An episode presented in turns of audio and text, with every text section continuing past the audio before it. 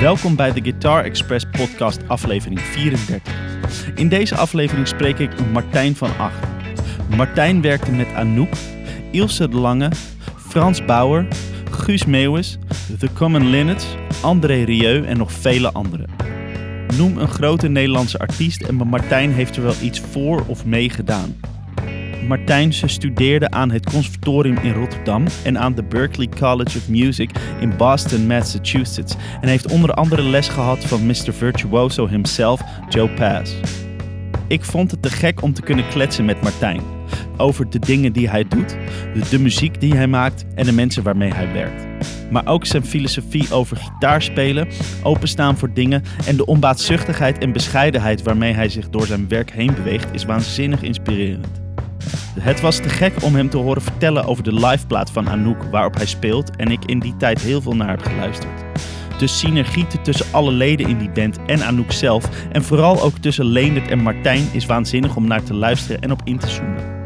We praten over Berklee College of Music, het verschil in opleiding in Amerika en Nederland, het verloop van zijn carrière, iets laten ontstaan op het podium, partijen onderverdelen in een grote band, studenten toen en nu en wat hij die probeert mee te geven, zijn gear en nog veel meer.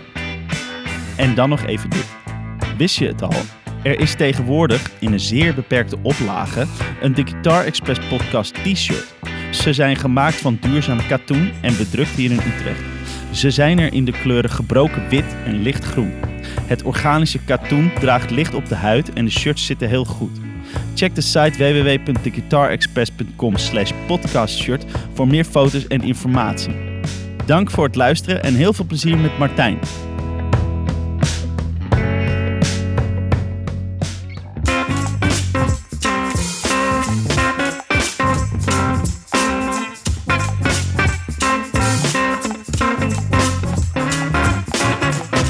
Oké, hey, uh, um, leuk dat ik mag, uh, jou mag, mag, mag spreken voor de podcast. En uh, mag interviewen en je, je, je het hemd van het lijf mag vragen over, over wat je allemaal doet. En ja, hoe je daar gekomen bent en zo.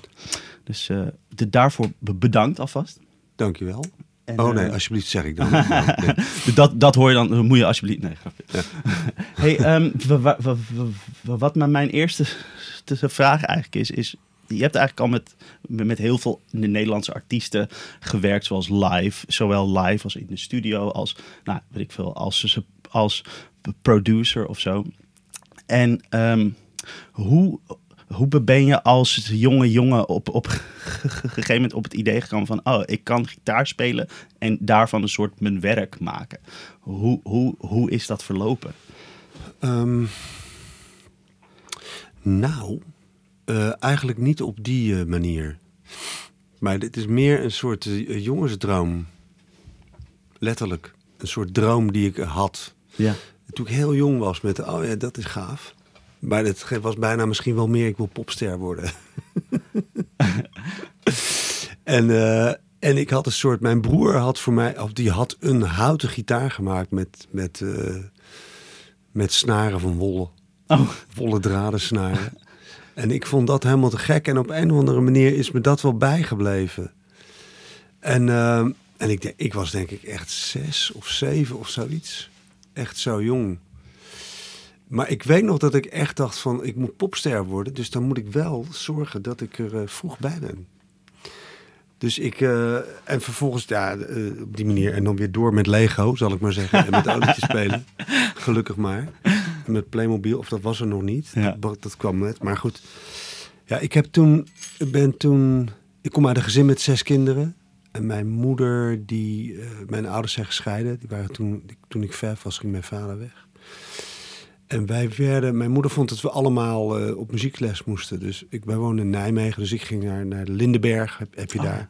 Ja. En uh, daar hadden we oriëntatieles. En dan kreeg je elke week, wij gingen daar gewoon met z'n zessen heen, als een soort redback. Ja. een verschrikkelijke zestal. Ja, precies. En we zaten in zo'n oriëntatieles en dan werd er elke week werd er een instrument uh, aangeraakt. Dus oh, ja. ook een gitaar. En Ja. ik, uh, dat vond ik heel interessant, maar ik, uh, dat vond ik vooral heel erg boeiend. Maar ook op een gegeven moment een viool. En op die viool, die, daar speelde ik, ik raakte de vier snaren aan met die stok. Lachen. En ik werd eh, aan het einde van die oriëntatielessen werd mij geadviseerd om viool te gaan spelen. En mijn broer trompet en een andere broer piano. Oh, en een allemaal. zusje piano en een, en een zus dwarsfluit. En een, en een broer ook dwarsfluit. En, afijn, daar is het eigenlijk een beetje begonnen. En vervolgens zat ik op die Lindenberg met die viool. En dat vond ik vreselijk. Want ik zat bij een klassieke meneer en Ja. ik wilde dat helemaal niet. En ja, en ja, fijn, het, het werd een drama. En, ik, en in een huis met zes kinderen. En het was best een groot huis. Maar viool moet je echt gaan studeren. Ja, ik kreeg alleen maar te horen dat ik moest stoppen met de kattengejank. Letterlijk. En ik weet nog dat ik dat echt niet leuk vond. En dat ik... ehm, ik zag op een gegeven moment bij de Muppet Show... En zag ik in dat bandje, weet je wel... Is dat altijd dat bandje wat daarvoor aan Ja. zat. Daar speelde iemand banjo. En ik zei tegen mijn moeder, dat vind ik leuk. Weet je wel, dus dat gaat eigenlijk een beetje van dat gitaarspeelpad. Maar ik dacht, ik vind die banjo helemaal te gek. Ja. En ik denk dat ik toen, ik was, want het is wel een aantal jaren verder. Ik denk dat ik negen was of tien of zoiets. En uiteindelijk kocht ze een vijfsnarige banjo voor mij. En er was een banjo-leraar op de Lindenberg. En dat, Oh, dat pakte mij helemaal. Dus ik kon, ik ben toen op die banjo, daar ben ik me helemaal kapot op gaan studeren. En zelf dingen uitzoeken vooral. En, Mm. ehm, en ik heb eigenlijk binnen een half jaar kon ik echt eh, gewoon al dingen en zo. En dat was echt heel leuk. En dat was een onwijze focus voor mij. En eigenlijk het is wel grappig om nu te zien, maar dat is met, met mijn eigen kind, waar, waar, we eigenlijk, waar we zien dat hij eigenlijk een concentratieding heeft. Een soort, een soort vorm van ADD-achtig. Mhm. Maar het blijkt dus, dat is erfelijk. En ik, als ik nu Oh. terugkijk, denk ik, ja, Ja, dan herken je dat Oh, bij dat jezelf. was het. Ja, ja, ja, ja. ja. een soort overfocus, maar dan ook totaal een rarig ding. Enfin, maar dit even een zijstaatje. Maar ik ben die banjo gaan spelen en dat heb ik echt wel eh, lang volgehouden. En zat in, in, op die Lindenberg had je op een gegeven moment ook een rolerend uur dingen. Dus echt met bandjes beg- werd er begonnen. En ik had een broer die op een gegeven moment tegen mij zei... is wel leuk die banjo, maar als je, als je meisjes wil versieren... Je wil dat je, weet je... Ik had allemaal oudere broers die zeiden van... Ja, Martijn, die banjo is leuk, maar als je meisjes wil versieren... dan moet je natuurlijk gitaar gaan spelen. dus mijn broer Christophe, die had een gitaar, een Egmond... En die zat er een beetje Cat Stevens op te spelen. Uiteindelijk heb ik die van hem gejat. En daar is het eigenlijk begonnen. Ja. En dat was zo einde. Ik zat op de vrije school en ik ging naar de middelbare school. En, en- en toch een grote change. Hmm. En nieuwe mensen ontmoeten. En toen bleken er heel veel vriendjes van mij natuurlijk heel erg met die gitaar bezig te zijn. En wij zijn toen echt. eh, ik was 13, denk ik zo. Iets, ja. Toen zijn we, hadden we ook een bandje waarmee we op straat zijn gaan spelen. Oh, En ik had die banjo natuurlijk bij me, maar ik had op een gegeven moment ook die gitaar bij me.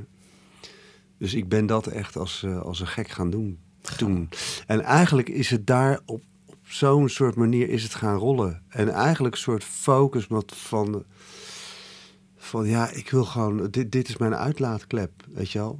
Ik zat op ijshockey, dat vond ik ook leuk, maar dat, dat, ja, dat, dat deed het uiteindelijk niet voor mij. En dat werd steeds serieuzer, dat gitaarspelen. En eh, ik had gelukkig ook een moeder die dat eh, echt goed zag. ja. Dus die, eh, die kocht gelijk een hele mooie gitaar voor me. Ah. Deze Guild. Oh, serieus? Ja, Oh, die heb je al... ja die heb ik al heel lang. Gaaf. En, eh, en eigenlijk op die manier. En dat ging eigenlijk steeds beter. En in, dat, in de Lindenberg, op de Lindenberg, daar zat ik in bandjes. En dat werd geleid door René Kremers bijvoorbeeld. De oude drummer van eh, Blowbeat. Mhm. Loetje Schrievers, dat was eh, echt zo'n Nijmeegse bluesheld. Mm. Daar hadden we les van Johan de Poel, die inmiddels overleden. Maar dat is, ja, allemaal echt die, die, die, die Nijmeegse scene. Mhm. En, eh, en op die manier kwam ik er wel mee in aanraking. En het was, het was, eh, het was gewoon serieus. Het was heel serieus. Dus ik studeerde me echt dood. En, ik, eh, en eh, op de dingen waar we toen mee bezig waren. Weet je, wel. ik zat niet heel erg in met we moeten dit en dat, zus en zo. Maar dat heb ik eigenlijk wel echt heel erg gedaan. Ik heb vanaf het begin, dus ik denk zeker vanaf mijn dertiende zo, was het echt een heel serieus ding.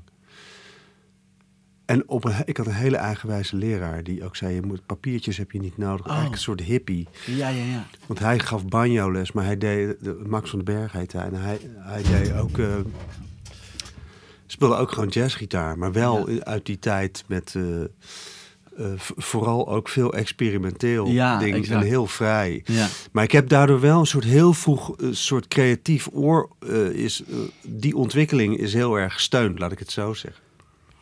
En toen wilde ik uiteindelijk naar het conservatorium. En toen werd ik gewoon flap afgewezen. En ik wilde naar Rotterdam, want een vriendje van mij die ging hier naartoe. Oh ja. Dus uiteindelijk zat ik in Arnhem, werd ik dan aangenomen door Onno met, nou ja, oké, Ja, laten we maar. het dus proberen. Ja. En ik werd doodongelukkig. En fijn, toen heb ik, toen, toen heb ik heel hard, ben ik helemaal in Joe Pass gedoken. Oh ja? En ik was natuurlijk niet een jazzgitarist. Ik zat echt helemaal in de disco en in de... In de het was meer Duran Duran, Japan, goh. Talking Heads, Cure. Ja, ja. dat. Ja. En, eh, maar, en, en op die manier is het eigenlijk gaan rollen. Dus de, qua wanneer ik me nou eigenlijk bedacht van het wordt een, eh, het, ik wil serieus daar mijn geld Nee. mee verdienen. Het, eigenlijk ging het daar niet over. Het was meer een soort quest van, nou, dit is, dit is het gewoon. Ja. En dat werd ook beantwoord, weet je wel. Dus ik deed dingen en dan werd het beantwoord in van, oh, dat gaat goed. En Ja. werd, dus het was niet een soort van, eh, bedoel, ik heb wel hard, hard gewerkt, maar ik, eh, er kwam wel altijd een soort bevestiging dat klopte Ja. wat ik deed, Ja. laat ik het zo zeggen. Ja. En dan, ja, en dan af en toe natuurlijk tegenslagen Ja, daarin. oké. Maar zo'n beetje, ja. En dan zit je op zo'n school en dan zit je eigenlijk in een jazzopleiding. In Rotterdam ligt de muziek jazzopleiding. En dan, ja, wat, hoe, hoe en wat. En die jazz, bebop, ik Ja. ben niet virtuoos op die manier. Nee, nee, en ik had nee. eigenlijk helemaal niet zoveel mee. Nee. Maar op een gegeven moment leer je toch een soort van... Je leert daarmee omgaan met... Oké, ja, weet je wel, dit zijn dus de dingen om ergens te komen. Dan is het wel slim om dit te doen. En wat ik daar straks al zei... Eigenlijk is dat je door, door dat soort dingen dus wel te gaan doen... Dat je allerlei nieuwe dingen ontdekt. Die eigenlijk heel erg leuk zijn, weet je wel. Ik was met de eerste keer dat ik jazz hoorde, dacht ik... Ja, totdat je erin duikt en Mm. opeens merkt van... Jezus, wat is dat gaaf, weet Ja, je wel. Of, ja. oh ja, dit vind ik er mooi en of dat niet. Of natuurlijk, maar... Het heeft me wat dat betreft nooit, a- absoluut geen windeieren gelegd, laat ik het zo zeggen. Hm. En ik zat natuurlijk op een gegeven moment tussen de mensen en het talentvolle de, de- de mensen die daar, die wel degelijk iets deden in die business en daar echt geld mee verdienden. Ja. En dat heeft me wel aangezet, dat ik dacht, oh ja, kijk, zo gaat dat dus. ja, precies. Ja. en dan Eh, kun je dit pad lopen. En, eh, Ja. Eh, maar eh, had je dan op een be- be- be- bepaald punt wel zoiets van, oh, ja, misschien toch opeens een soort van realisatie van, oh, ik ben nou op, toch wel een professional mu- muzikant of zo? Of is dat, of, is dat een soort altijd, Nou, het, ja, het is zo. Ja, ik had. eh, kijk, in Rotterdam had je, was het heel erg. Zeker in die tijd, weet je wel, begin jaren negentig zo. Ik heb eigenlijk gewoon de jaren negentig daar gezeten. Vanaf 1990 tot, wat is het? Fijn, in die. Toen conservatorium, er was jazz en alles wat jazz gerelateerd was. En dat was ook misschien wel groot, een belangrijk ding in de popmuziek toen ook, onder andere. Eh, en de, de, commerciëlere kant, weet je wel. Dus de intelligente pop. Dus dat ging van Toto eh, tot... eh, maar vooral ook eh, de, de funk, soul dingen. Al dat soort dingen. Wat, en, die muziek. jazz geïnspireerd of zo? Of, Jazz, ge- of juist een soort van idioom? Ja, dansding, weet je Ja. wel. Er waren, zeker in Rotterdam waren heel veel mensen die, die- via boekingsbureau Pasadena allemaal bruiloftenbeentjes deden. Ja. Gewoon coverbeentjes. Ja. Te gekke leerschool. Hm. Je dat heb jij ook gedaan, veel. Ja, Ja. nou ja, goed, ik, ik wilde dat doen en uiteindelijk kwam ik niet... eh, ik had uiteindelijk een beetje... Ik heb eigenlijk alleen maar ingevallen. Hm. Ik had, zat op een gegeven moment in een beentje, maar ik werd ge- gevraagd door Stef Bos of ik Mm. eh, met hem t- een toertje wilde doen. En dat ging op het laatste moment helemaal niet door. Oh. En toen was ik wel het bandje gezet. Afijn, maar goed, dat zijn allemaal kleine dingen. Ja. Ik ben daarna, ben ik, toen ben ik daarna, of was het nou daarvoor? Nee, daarna ben ik naar een half jaar naar Berklee College of Music Oh, geweest. wauw, heb je daar gezeten? Ja, om te studeren. Na je conservatorium of een soort tussendoor? Of? Nee, eigenlijk, het was een uitwisselingsprogramma. Ja. En dat heb ik gedaan samen met, ehm, eh, met Koen Liekens. Oh, Koen. Ja, Leuk. Dat, Ja, dat is dus een drummer van Case Choice vroeger. ja, En de, die is nou inderdaad op de Ja. rock geeft hier. ja, en chronologisch gezien is het volgens mij zo dat, dat eh, moet ik wel zeggen, is dat wij Ik weet het niet meer of het nou daarvoor of daarna was. Eh, ik word oud. maar in ieder geval, wij zijn samen naar Berkeley gegaan. Daar heb ik wel echt heel erg geleerd om te studeren. Was dat anders of zo? Daar zo'n opleiding eh, ten, ten overstaande van ja, hier in Nederland? Ja, was er iets anders? Ja, ja, heel anders. Ja? Heel anders. Die scholen, het is veel meer op commerciële basis gedaan. Ah, En dus dat betekent echt dat de klant is koning. ja. Dus zo'n school is van als er drie leerlingen zijn die roepen eh, we willen hip-hop les, dan gaan ze een leraar zoeken. Hoe, hoe street het ook nog mag zijn.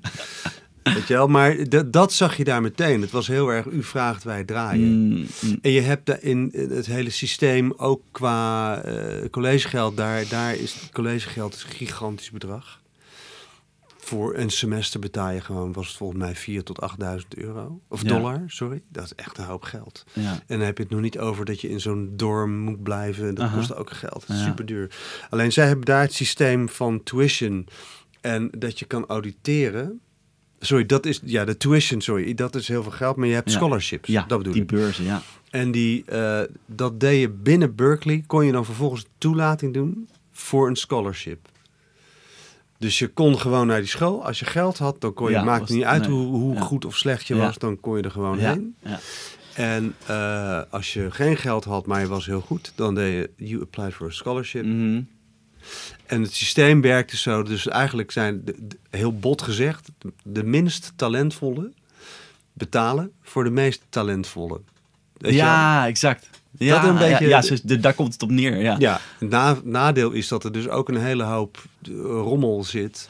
Ja, Ja, sorry, dat, dat mag ik niet zeggen. Maar mensen die niet zo talentvol zijn. ja, En mensen die heel talentvol zijn. ja.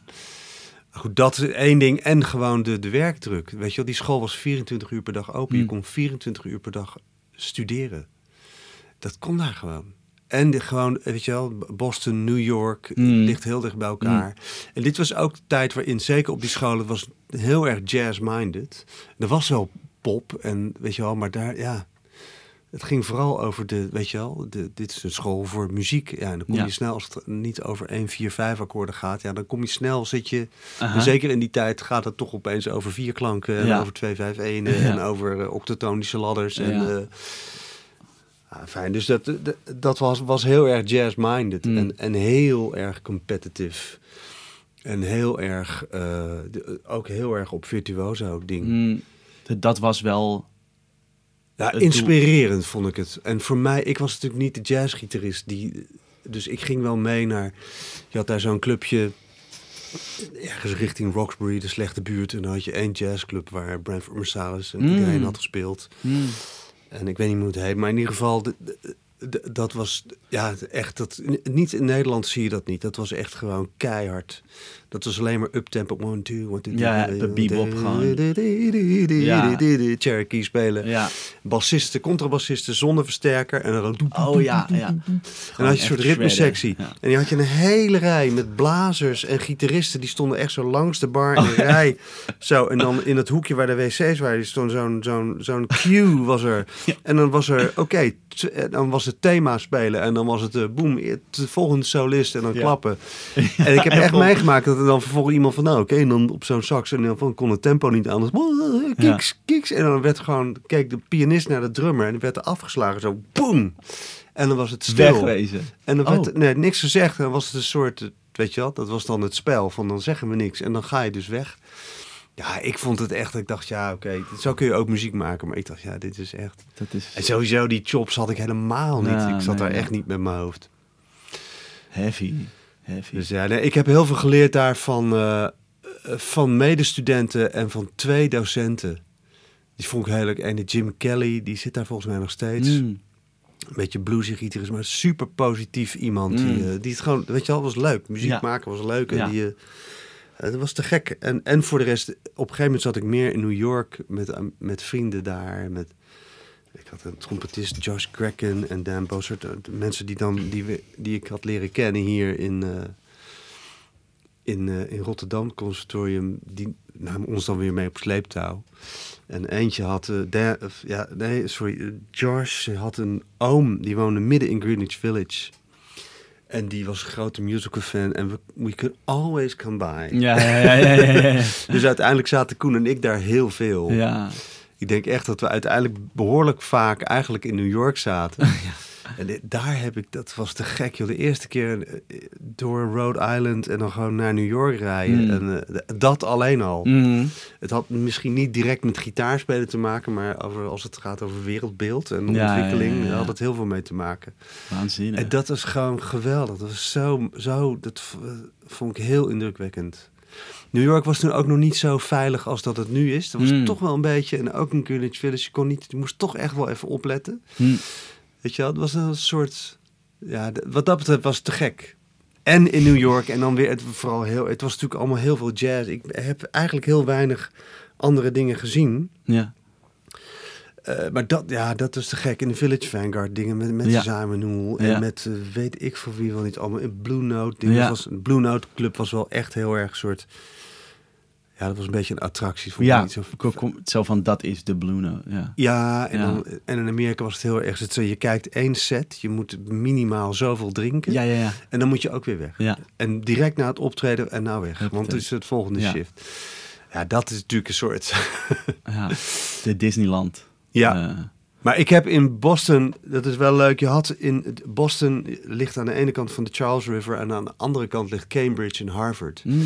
Ehm, weet je wel, dat is echt iets heel anders dan Boston. Mhm. En dat is een studententoestand. Mm. En MIT ligt daar. Mm. En, en je had, daar had je een hotel en daar speelde, het was winter. Dus alle festivals in Europa waren er niet.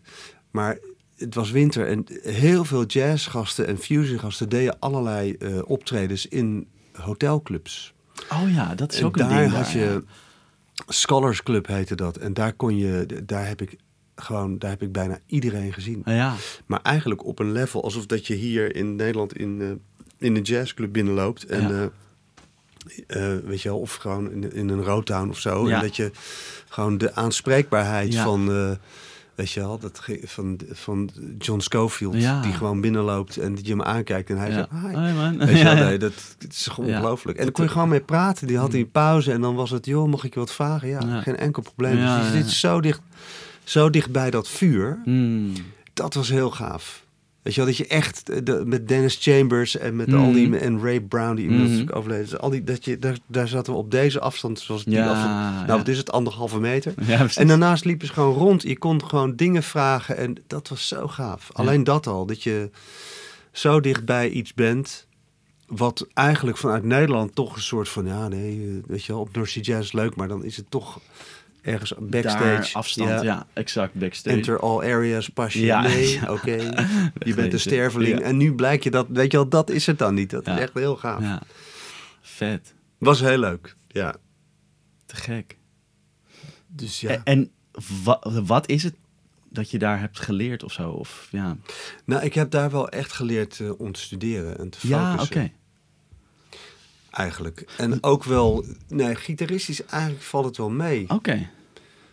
Valt wel mee. En ook die scholen, weet je wel, het is... Ik heb uiteindelijk zelfs nog een soort scriptie daarover gemaakt, over het verschil tussen die twee scholen. Wat is nou eigenlijk zo verschillend? En het is eigenlijk niet zozeer level van, van speelniveau. Want het is hier in Europa, is dat echt heel hoog. Het is vergelijkbaar. Het enige is dat het effect van wat je doet daar heeft grotere gevolgen. Mhm. Omdat die afzetgebied gewoon groter Ja, is. ja. En misschien wel omdat je je eigen muziek speelt, tussen aanhalingstekens. En wij hier, in, hier Ja, hun muziek spelen. ja, dat is altijd een soort... Ja, Ja. in die jazzwereld was dat op een gegeven moment ook wel een, eh, dat was een ding. Ik weet dat Ed Harris, de, de, de man van de wat simpeler jazz tunes, die zei op een gegeven moment in zo'n, die kwamen langs om een soort masterclassje te geven. Heel veel. Ed Harris, bijvoorbeeld ook Richard Marx, bijvoorbeeld Mhm. ook gezien, heel grappig. Mhm. Maar eh, die zei echt, they're stealing our music. Mhm. Ja, de- dat was bij watch hun dus wel. They're stealing our music. Dat is echt een ding. En een ECM-label had je. Dat is, weet je wel, dat is een Europees jazzlabel waar eh, mensen als Keith Jarrett eh, voor getekend waren. En dat, dat heette European Cock Music. Label, weet je wel, echt heel gewoon, dus een soort hele raar, dat had je, in die bebop ding, daar had je dat heel erg. Mensen die heel erg van, man, this is bebop. Everything that's not bebop is not Ja, music. ja. Maar echt zo. It's Ja. not, not my music. Or, yeah, man, that's shit, totally shit. Ja. Dat, vond, dat was wel apart. Het was wel extreem. Dat is dan weer die andere kant of zo. Ja. Ja. Maar toch wel, dat is toch wel een ding van ja, weet je wel, heel protectionistisch. Ja. Een beetje zoiets. Dat, ja. dat is jammer, want het houdt. Want, want de jazz gaat, slash ging, ja, gaat over. ja. zeg maar, ver- verder komen. ja, maar er zijn natuurlijk heel veel mensen die natuurlijk dat heel erg, weet je wel, dat, dat zien als van dit is dit stukje, bebop, dat Ja. is wat ik doe en dat is dus te gek. En, Ja. en ik geloof dat je, je moet daar dus, je moet je ook niet door laten misleiden. Het gebeurt natuurlijk sowieso in die hele muziekbusiness. Is dat, zeker in Amerika, is dat zo dat het natuurlijk heel erg geformateerd is.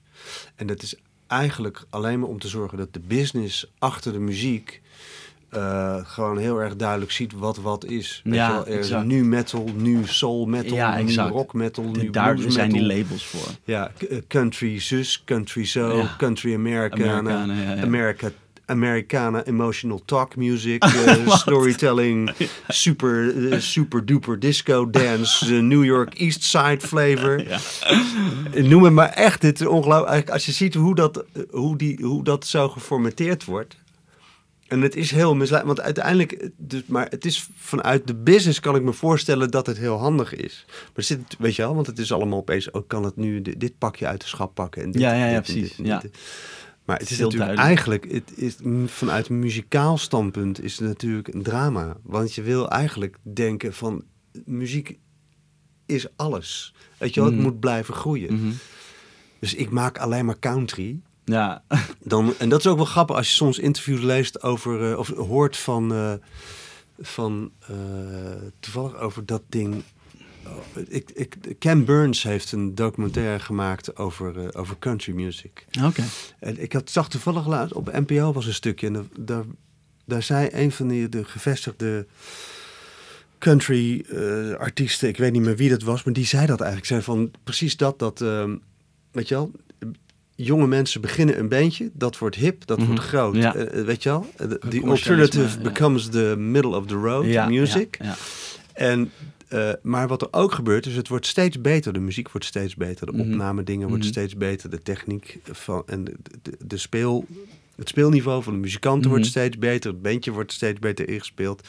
Dus het wordt allemaal steeds meer feng shui en steeds meer gepolijst en Ja. steeds meer mooi. En kijk nou eens wat er kan. ja. Weet je wel? En da- de reactie daarop is dat er weer jongere mensen zijn die zeggen... Jezus, wat een vieze gladde tering. Zo, Kom op, dat gaan we echt niet doen. ja. Eh, en die beginnen het weer opnieuw. En dat Ja. is, die wisselwerking is heel erg nodig, ook om de bovenkant van, oh, het is allemaal zo mooi gepolijst. Ja. Om die weer wakker te maken over, Ja, weet je wel, Ja. dit is de ruwe kant. En hij zei het over wat er in die country music gebeurt, maar dat gebeurt eigenlijk over de hele linie. Dus dat is wel leuk om te zien. Dus weet je wel, ook met popmuziek, dat op een gegeven moment, eh, weet je wel, het wordt steeds gelikter en Mhm. steeds gelikter. Maar goed, je kan het niet zo, je kan het niet, eh, het is een beetje generaliserend zoals ik het nu zeg. Mhm. Maar dat is wel een soort manier, ding wat je ziet, een soort trend. ja.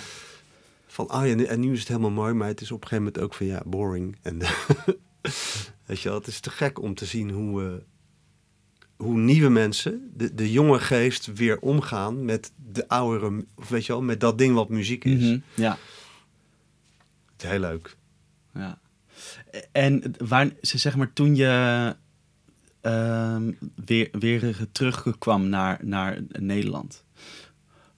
Hoe heeft ze toen je, ja, je, je, ehm, je carrière een beetje eh, vormen aan, aangenomen? Of, of was dat daarvoor misschien al, dat je toen ook al echt... Nee, ik heb denk ik na, na Berkeley, toen heb ik al echt, toen was het van, oké, nou, het is, eh, nu is het echt serieus. Het Mhm. wordt- Oh ja, toen had je dus het gevoel... Ja, en ik heb toen wat ik deed, want ik zat nooit in die beentjes. Ik paste nooit in het stramien, want ik was Hmm. eigenlijk een beetje die rare gast. wel- wel een aardige jongen, maar ja. Concentratieboog van min 1.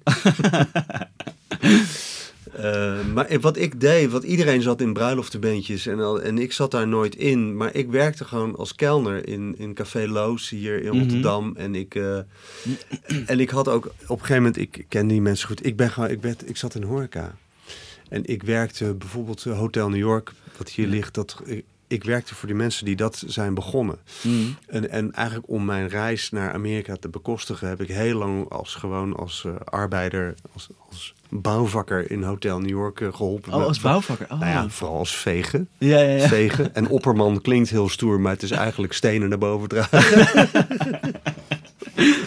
en toen ik terugkwam was er natuurlijk niks. Behalve dat eh, mijn goede horecavrienden zeiden... Nou Martijn, er is hier wel een job als kelner. Dus daar ben ik, ik ben als een gek daar gaan werken. Ja. Maar ook wetende van ja, ik heb toen heel even, toen kwam er een bedrijfsleider naar me toe en zei van ja, je kan, je kan assistent bedrijfsleider worden. En toen dacht ik ja, maar dat ga ik niet doen. Nee, dat, nee. Is, dat kan ik doen. Het is tempting, snel Ja. geld, en, Mhm. maar dit is niet wat ik moet doen. Nee. En toen ben ik, eh, ja, ik ben toen eigenlijk, en dat kwam ook wel omdat bij mij dat vuurtje aanging van je moet gewoon keihard werken ervoor. Ehm, ja, ik ben gewoon, ik ben, naar alle gaten gaan zoeken waar wel iets nodig was. En op een gegeven moment van jongens, ik wil heel graag gitaar spelen en dat ook vertellen. Ja. En ik had eh, vriendjes die zeiden van nou oké, als ik dan niet kan, dan eh, kun Ja. jij invallen. En Ja. gewoon echt stinkend mijn best gedaan. Om dan ook echt te zorgen dat als ik dat doe, Ja. dat die spullen gekend zijn en uit mijn hoofd. En gewoon echt zorgen dat, dat die shit voor elkaar Ja. is. Dat heb ik eigenlijk gedaan. En dat heb ik toen ik deed een eindexamen. En dat was heel erg anders dan. Of tenminste, ik deed gewoon ook eigenwijs mijn ding. Met liedjes en. eh enfin, en dat eindexamen dat pakte eigenlijk heel goed uit. En eh, weet je, zo'n eindexamen heeft dan best wel een effect. Het is een soort, weet je, je presenteert je. En daarna is, is best wel een balletje gaan rollen. Mm. En mijn eerste serieuze klus die kwam eigenlijk door mijn zusje, die eh Beatrice, die stuurde mij op een gegeven moment een, een bericht. Ehm, dat Astrid Cerise op zoek was naar een gitarist. Hmm. Stond in de Volkskrant. Oh, dat stond in de krant. Ja, dat stond in de krant. Ja, man. Holy shit, dat is- dat zie je niet vaak. Ik denk eh, echt dat het 1996 was. Oh. Nee, er, was nog niet, er was nog niet een PM'tje. Nee, dat snap ik. Nee, Of ik zag op Facebook. er was nog geen Facebook, ja. Ik was in ink. Ja, En ik ben toen auditie gaan doen. En eh, ik was ondertussen ook wel bezig, ook al wel met eigen dingen en zo. Maar dat was allemaal ook een beetje dat- een soort droom van ik moet zelf. was dat het Madigan? Was je daar Ja. al... Ja, oké. En, maar uiteindelijk ben ik, eh, ik kreeg die job, want ik had natuurlijk gewoon geld nodig. Ja, En ik kreeg die job dus Van, heb je eh, getoerd. Zo. van, nee, ik heb van, van bij Astrid Cerise ben ik toen begonnen als gitarist. Ja, ja, precies. En eh, toen kwam ik natuurlijk ook in een serieuzere wereld met mensen die... eh, de, de, eh, haar man, toenmalige man, was Peter Meurens, de bassist. En violist per, en meerdere Mhm. dingen van de Nits en Oh. zo. En eh, daar had ik meteen een goede, goed contact mee. En ik was natuurlijk de popjongen in een bandje wat heel erg jazz-minded was. Er was toen een bandje met Leo Bouwmeester, geweldige pianist. Hm. Maar er was heel erg iets, er moest, eh, het moest popmuziek worden. En fijn, Oh. dus daarom dat ik er ook bij kwam. Hmm. Maar er zat natuurlijk nog wel een soort van gigantische wereld van verschil in. Mhm. En ik was natuurlijk toch een soort van eh, niet gehinderd door kennis van zaken.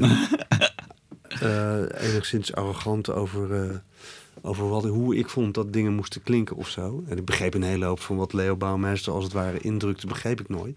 Behalve dat ik het prachtig vond. Ja, precies. Ja. Maar uiteindelijk, daar is, daar is wel, dat is wel een belangrijke stap geweest. En weet je wel, dan zit je gewoon in zo'n theatertour en dan moet Ja, het. En dan, ja. dan wordt, er, wordt er geld verdiend. En, eh, bedoel, dat was allemaal niet een gigantische bezetting nog. Maar daardoor kom je wel... Je hebt een podium voor jezelf. Weet je wel, waar, waarin mensen je zien. Hm. En waarin je gewoon functioneert binnen iets anders. Dus de, dat, weet je wel, dus met dit beentje zangeres Astrid Cerise. En wat doet hij daarin? Oké, dat is leuk, Ja. weet je wel. Ja, En dat werkt goed. ja, ja. en dat is natuurlijk het moment om jezelf te profileren en te zorgen dat je, dat je je shit voor elkaar hebt. En, en, dat, en als je slim bent, dat je verder kijkt naar wat je muzikaal op dat moment kan doen. Ja. En, ehm, ja, en van het ene komt het andere. Toen ontmoette ik Atti Bouw, producer. Oh ja, ja. En hij was toen, dat, hij heeft heel veel in die metal dingen gedaan. Maar ook hij, hij produceerde de plaat van de Nits. En dat was op die manier. En afijn, op, weet je wel, dus als je je ogen daarvoor open hebt en, en je, je doet je best, dan op een gegeven moment zien mensen je. En dat sociale ding is een belangrijk ding, weet je wel. En van praten komt op een gegeven moment dingen doen. Ja, En, ehm, en dan wel eh, je best blijven doen. ja dat is natuurlijk... Dat is, no, dat is het, het, het belangrijkste of zo. Dat je al, als je kans krijgt, dat je hem ook pakt, zeg maar. Dat je, hem, dat je het goed doet. Ja, of, ja, of je pakt hem de eerste keer niet. Ja, ik weet niet, wordt het, het wordt zo'n. eh, het, ik weet niet, het is, je hebt het gewoon je talent en je drive, Mhm. weet je wel. En ik geloof dat als je sociaal enigszins. eh, als je die, die, eh, die luiken open hebt staan. Dat het je kan helpen, dat het je verder kan helpen. Dat je sneller bent door, door te reageren. Of... We hadden altijd in Rotterdam Aaron Kersbergen, de bassist die bij Ilse speelt. Mhm. Hele goede vriend al. Ja, het is heel gek dat Sientje is eigenlijk. We zijn allemaal nog steeds goede vrienden. Dat is heel leuk. En we, en we werken heel veel samen. Ja, te gek toch? Superleuk. Ehm, maar die zei altijd, ja, eigenlijk nee staat niet in het woordenboek. Ja. Dat vond ik altijd een hele goeie. Oh Ja. ja, oké, nee is niet in het woordenboek, heb ik niet. Ja. Kun je? Ja. Kun je? Nee. Nee. Waar, nee? Waar, waar in je woordenboek staat dat? Nee. Hoezo niet? En dat heb ik heel lang gedaan. En dat vond ik, he- het was heel leuk. Want het was natuurlijk ook een beetje een, het was natuurlijk ook een beetje een ego-ding. Van hoezo kan ik dat niet? Ik kan alles. Ja, Ja, Kun ja, je? precies, ja. ja. ja, we zoeken eigenlijk iemand die. eh, ik had op een gegeven moment bijvoorbeeld een ding eh, dat ik. eh, ik, ik, dat ik eh, werd gevraagd of ik banjo wilde spelen voor, eh, met het Sinfonietta. Dat kwam via Arend Nix, de drummer. Fijn. Of ik dat kon doen. En ik zei, ja, heeft u wel eens, heb je wel eens met een dirigent gewerkt? En ik heb natuurlijk wel eens met big bands dingen gedaan. Ja, ik heb met dirigent gewerkt. en vervolgens kom je daar in zo'n Bachzaal. En is het echt giga, gewoon symfonisch orkest met de, de, het, gewoon de, de works. Heel leuk, was begeleiden van twee stomme films van Buster Keaton. Wauw, En die vet. Carl Davis heette hij. De dirigent had muziek daarop gemaakt. Dat heel gaaf. Enfin, maar goed, weet je wel, nee was niet in de Nee, agenda. ja, gewoon, wel. Het ja. brengt je dus op plekken die je niet had verwacht. Ja, En, je, en eigenlijk ook die je misschien eigenlijk wel niet in eerste instantie zo goed aan kan. Mhm. Weet je wel, van nee, maar ik moet wel eerst even goed voorbereid zijn en dan kan ik Mhm. ja zeggen. ja. Maar de werkelijkheid is dat je, dan is het te laat. Je moet gewoon zeggen ja. ja en dan zie je wel. Dan zie je wel hoe je het... Ja, en het ergste wat er kan gebeuren is dat je op je bek gaat. Ja, En dan is het de kunst dat je ook weer opstaat Ja. en doorloopt. ja, Maar goed, dat was superleuk. cool. En hoe ben je dan bij, eh, eh, zeg maar... ehm, ja, nou goed, ja. Hoe, hoe ben je bij bijvoorbeeld de Ilse de Lange uiteindelijk terechtgekomen? Stamt dat ook een soort uit de, die, de, die tijd, die, die contacten? nee, dat is maar? veel later. Want Ja, ik ben eigenlijk in die periode met Astrid was ik... Ik was heel serieus bezig met mijn eigen muziek. Ja, En eh oh. dat ben ik eigenlijk nog steeds. Alleen, eh, maar daar, dat was eigenlijk mijn ding. Want ik was altijd die vreemde eend. Ik was eigenlijk niet, ja, Martijn is leuk, maar weet je wel. Ik was altijd nummer één eh, voor Leendert. Als Leendert niet kon, Ja, dan oké. zei Leendert altijd... De, de eerste die ik bel is altijd Martijn. Hmm. Daar heb ik onwijs veel aan gehad. Dus die heeft... Hmm. Weet je wel, maar ik was nooit degene, de man. Dus ik dacht, ja, ik, dus ik had heel veel van, ja, wat ga ik doen? En ik dacht, ja, ik, ik zing, ik schrijf, weet je wel. Dat waren eigenlijk, weet je wel, die gita- gitaar was voor mij misschien wel veel meer een soort kruiwagen Ja, dan ik dat moet uit gitaarsolist te worden. ja. En dat had het ook effect, een positief effect. Dus ik ging samen met Rijn Ouwehand, gingen wij samen demo's maken. En wij maakten, de, en op een gegeven moment gewoon kijken wat ermee gebeurde. En we zijn, ik ben door de boeker, nee, door de platenjongen van Astrid Cerise, Hubert Poel, die had een label en dat zat onder, of het zat in hetzelfde gebouw als waar Double T Music zat. En Double T Music was het label waar Case Choice bij zat. En wat weer grappig is dat ik dus eigenlijk met Koen. Likken studeerde, is afijn. En die hoor, ik had, ik had Hubert mijn bandje gestuurd en die vond het heel mooi en die was heel erg onder indruk. En die kende mij natuurlijk als gitarist in dat bandje, dus die wist ook nog eens wie ik was. Mhm. En die heeft toen gezegd, ik moet dit aan Marcel Albers laten horen. Dat was de, dat was de, de, de Nederlandse directeur van die platenmaatschappij. En hij, en hij was heel lief. Hij heeft gezegd, ja, ik ga het niet meteen op het bureau leggen. Ik leg het pas op het bureau als ik weet dat hij ook tijd heeft om naar te luisteren. Oh, Ja, dat was heel tof. cool. Dat heeft hij gedaan. En, eh, en toen werd ik uiteindelijk gebeld. En of ik dan niet eh, eh, een paar dingen meer wilde maken. Mhm. En toen heb ik samen met Rijn hebben we echt eh, de werk van gemaakt. Van nou, dan gaan we nu echt een onwijs goede song opnemen. Ja, Eigenlijk om te bewijzen van kijk, dit is echt de moeite waard. ja. En toen, toen werd het van nou, dan moeten we een single uitbrengen. En toen was het eigenlijk, en afijn, en dan gaat het ook weer via dat, dat iemand als Sarah Bettens mij dan via via kende. En Mhm. de muziek ook via Koen kent. Zo, Ja. zo werkt het. Ja, het is Weet een soort En, van dan van- meerdere... en, eh, en Marcel, die, die is dan ergens bij een optreden van, eh, van Case Choice in Paradiso. En die. eh, die, eh, en Koen is daar ook. En Koen heeft, eh, weet je wel, die, heeft, die zegt één keer van... Oh ja, die, trouwens, dat liedje van Martijn, heb je dat gehoord? Ja. En, eh, en dan zegt Sarah van... Mm. Ah ja, maar Ja, dat heb ik dan ook gehoord. En Ja, dan, weet je wel. En dan vervolgens is zo'n Marcel die denkt van... Oké, nou blijkbaar is er iets aan de hand. Ja, oké. Weet je, zo werkt het. Dus, of zo werkt het in mijn geval, laat ik het zo Mhm. zeggen. En, ehm, toen, en daar ben ik helemaal vol voor gegaan. En dat is een prachtige plaat geworden. Het duurde wel lang. En eh, ja, ik, dat heeft me echt, denk ik, mu- muzikaal gezien, heeft me dat wel echt gevormd als een soort identity. En van dit is Oh. wat ik ben. Die, die plaat maken. Dat en gewoon met Rijn samen. Ja. Want het, was, het, het is eigenlijk helemaal niet. eh, Weet je wel, het was Madigan, Ma- Martijn met artiestennaam Madigan. Maar het werd al heel. Het werd al eigenlijk al meteen. Martijn en Rijn maken samen een plaat. Ja. En Rijn is natuurlijk ook iemand die heel overtuigd, heel duidelijk ideeën heeft. En dat kwam samen. Mm. En dat was af en toe ook wel een uitdaging. Weet je wel, dat hij soms kant op ging die ik niet wilde. Maar ik Mhm. vond dat eigenlijk heel mooi. En daardoor werd het ook niet zozeer mijn ding als wel ons ding. Mhm. En eh, nou goed, uiteindelijk die plaatsen uitgegeven kreeg allemaal geweldige reviews. En er gebeurde uiteindelijk is daar heel weinig mee gebeurd. Behalve dat ze wel allemaal singles zijn uitgebracht en videoclipjes. En, Mhm. Maar ik was daar wel mee bezig en helemaal op. En, het, eh, en eh, we, deden dingen, er gebeurde iets in die hele platenbusiness. Ik was niet slim genoeg om te beseffen dat ik gewoon een manager nodig had. En, Mm. toen zat ik wel op een dood punt. En toen werd ik uiteindelijk gebeld om ehm, ehm, met E-Life, rapper, Rotterdamse rapper, dingen te doen. En van daaruit dat, en weer, dat is dus ook weer een podium. En dan vervolgens doe je Mm. dingen. eh, en ondertussen zat Leendert met eh, Michel en Hans zaten bij Anouk. Ja. En René van Barneveld, die wilde niet meer verder. Oh, die, die zat eerst bij Anouk. Ja, die heeft toen, die heeft heel even bij, bij Anouk gespeeld. Ah. Die heeft die Graduated Full plaat opgenomen. En die zou Oh. eigenlijk op tour gaan en die zag dat eigenlijk niet zitten. En toen waren er drie mensen die riepen van nou, dan moet ik daar Oh, achter doen. Oh ja. Dus ik werd op een dag gebeld van joh, Anouk wil je even zien? Ik heb niet eens auditie gedaan, het was meer van nou, oké. Oh, Dus, maar we hebben wel even hooi een dag en zo Ja. van oké, we hebben een klik. Ja. Ja, dat was natuurlijk, en dat was natuurlijk een, een hele belangrijke, goede stap qua, weet je wel. Was dat voor jou een soort... Ja, de big break, ja.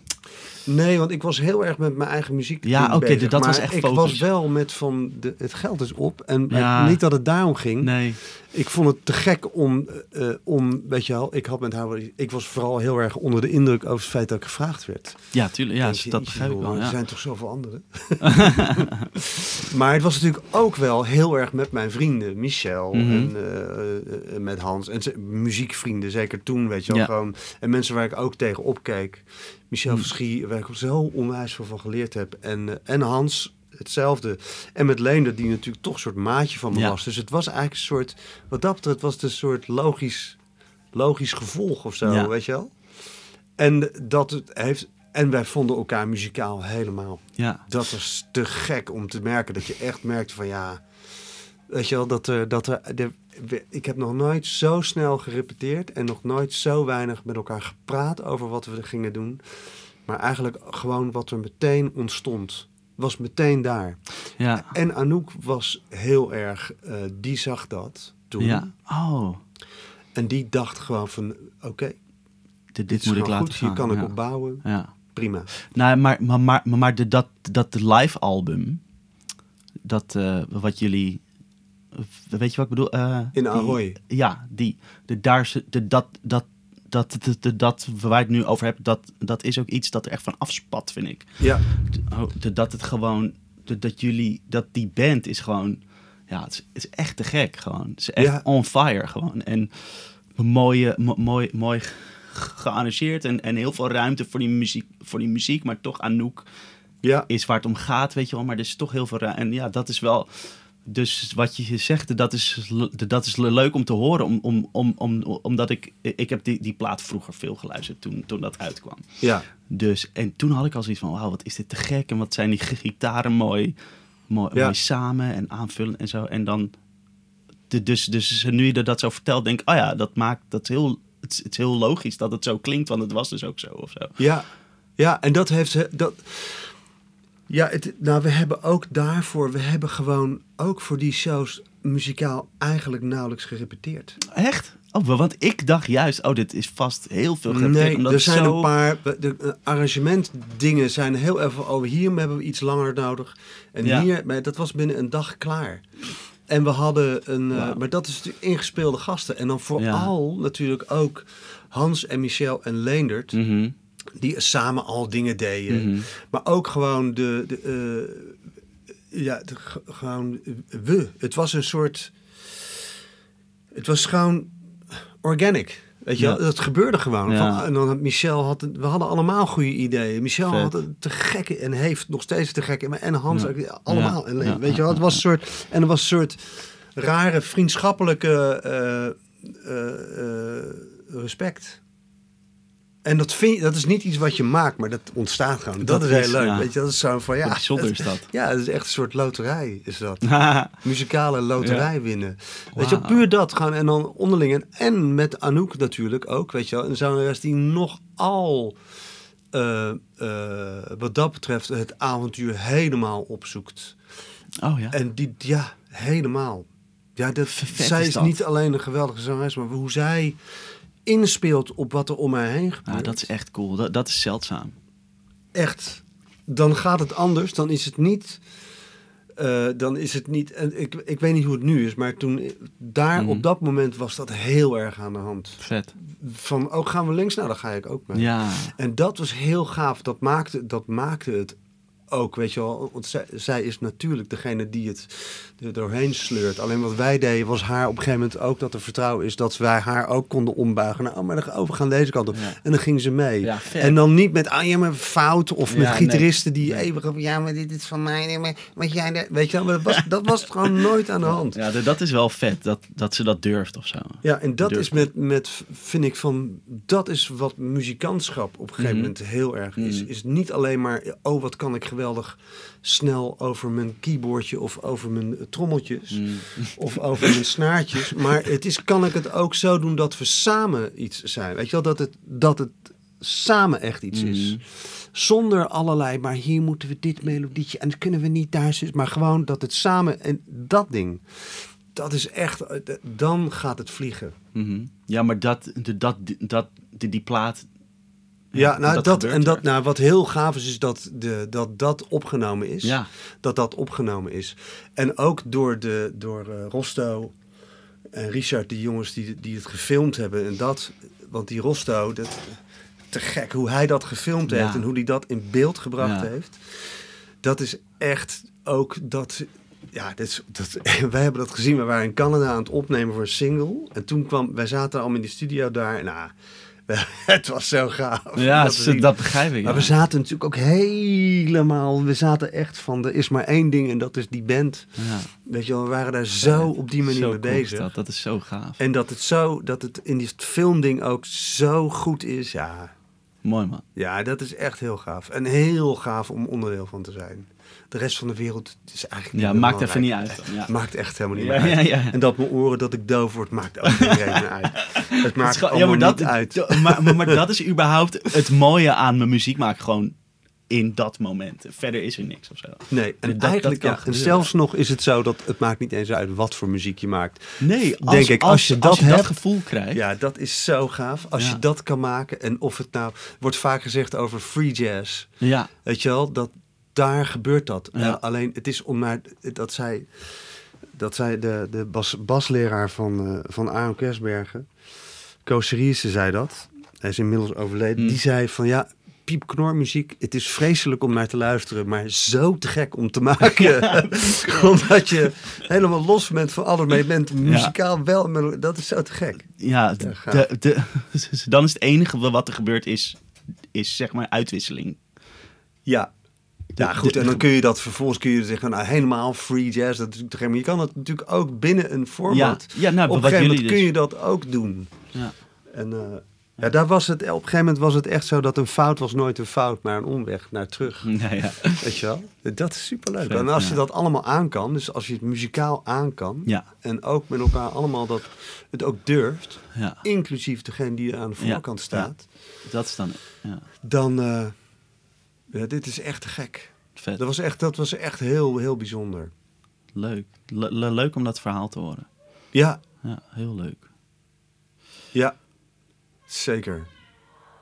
Wa- Want jullie he- hebben toen ook eh, die, plaat gemaakt. Oh, wacht. Nou, eigenlijk daarvoor die hebben Hotel we New York. Hotel New York oh, dat was gemaakt. ervoor, ja. Dus Graduated Full en we tour. En Ja. toen zijn we Hotel New York plaat Ja. gaan maken. En dat zouden we eigenlijk allemaal zelf gaan produceren. Maar de platenmaatschappij vond het toch een beetje eng. Toen Ja. hebben ze Cliff Norrell uit Amerika gehad. Oké. En met John Sonneveld, ehm, die nog altijd met Anouk heel veel doet. Mm. Hele, die, die- de geweldige mixer en Mm. die, die- dat is geweldig werk.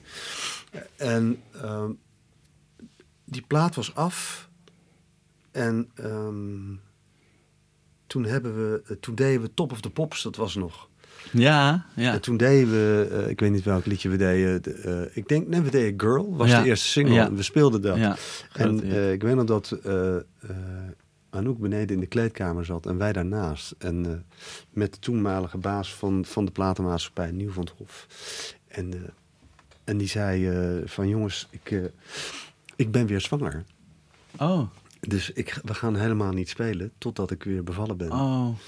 Dus dat was, het was een jaar met eh, niks. Dus wij allemaal van nou, oké. kut. ik had net een huis gekocht. En Ja. oké. Ja. Maar goed, ik begrijp het ook wel. En zij heeft toen, eh, toen heeft ze al die videoclips gemaakt. Toen ze nog, weet je wel, in, in de staat dat Oh, ze ja. nog niet, dus Girl en Lost en, en ik weet, volgens mij One Word ook nog. Ik weet niet wel- welke van die liedjes allemaal. To Jerusalem. Oh ja, maar, de, maar de, dat was zo'n geanimeerde clip of zo. Ja, ik, ik moet het eigenlijk weer terugkijken. Ja. Maar, eh afijn, we waren allemaal on hold. Maar wat er gebeurde met die plaat, Girl, dat werd gigantisch gedraaid. En zelfs op 538 werd helemaal een gigantische hit. En Lost en de, en de One Words en wat weet ik veel wat, wat niet allemaal. Ja. Maar zij heeft, was een jaar eruit, maar het was een soort catapult effect. Want ze speelde dus niet. Maar ondertussen die plaat, dat, weet je wel, dat werd echt een Oh. soort ding.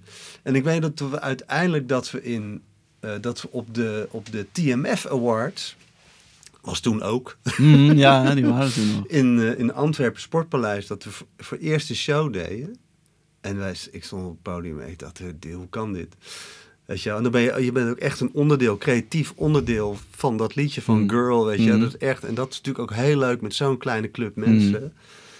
Eh, maar dat, het was, ik had dat nog niet meegemaakt, maar dat je gewoon merkt dat die zaal, dat het zo hard is. Oh. En iedereen was uitzinnig, uitzinnig, weet je wel. Want het was natuurlijk gewoon de hele tijd, ook in België, was gewoon knijter van een hit. Fucking grote hit, ja. En die plaat werd natuurlijk een gigantische hit. Ja, ja. Ja, dat, was, dat is onwijs leuk om op die manier, om dat effect zo mee te maken. Dat is wel heel gaaf. Cool. Afijn, en, daar, en aan de hand daarvan is vervolgens hebben we die Ahoy-shows gedaan. Dat is toen eigenlijk daarna, is dat een jaar? Nee, volgens mij 2005, 2006. Nee, wanneer? Ik weet het even niet wanneer. Volgens nou- mij is hij opgenomen in 2005. Ja, en dan is in 2006 zijn die Ahoy-shows geweest. Nee, nee, de die is volgens mij... Ja, Oh, dan is dat het. Ja, het is 2000. maar sorry, ja, ik, dan- ik weet, het niet zeker hoor. Maar dat, ik denk dat, dat ik dat heb gelezen. Ja, nee, dat zou kloppen. Het is 2004 en dan is het 2005. Dat zijn die Ahoy-shows geweest, ja. Ja, want ik ben in 2003, ja, die periode. Ja, zo is het. Ja, en daarna, ah, fijn. En toen dat hele verhaal. Ja. Ehm, mijn vraag was, en daar eigenlijk... Ilse heeft toen, want ik was in die tijd ook al... ben ik ingevallen bij haar. Mm. En zij Voor- kwam mij eigenlijk tegen. Dat, dat, is hun, dat is eigenlijk hun verhaal. Zij zagen mij op een gegeven moment als gitarist bij een talkshow die we toen hadden. Die er toen was van Kevin Masters. Oké. En wij deden met E-Life waren wij het begeleidende bandje. Ah. En ehm, daar kenden ze, mij, kenden ze mij volgens mij van. En toen heeft ze mij gebeld, of, of ik werd gebeld of ik kon invallen. En toen heb ik één keer, de eerste keer met haar op Bevrijdingsfestival in Groningen, een grote show gedaan. Dat was onwijs leuk. Ja. En we hadden meteen een soort klik. Maar toen was, zat ik daar nog helemaal niet vast bij, want ik deed natuurlijk Anouk ding. Maar zij, en zij speelde toen heel veel met Arnold en met Peter Thiehuis.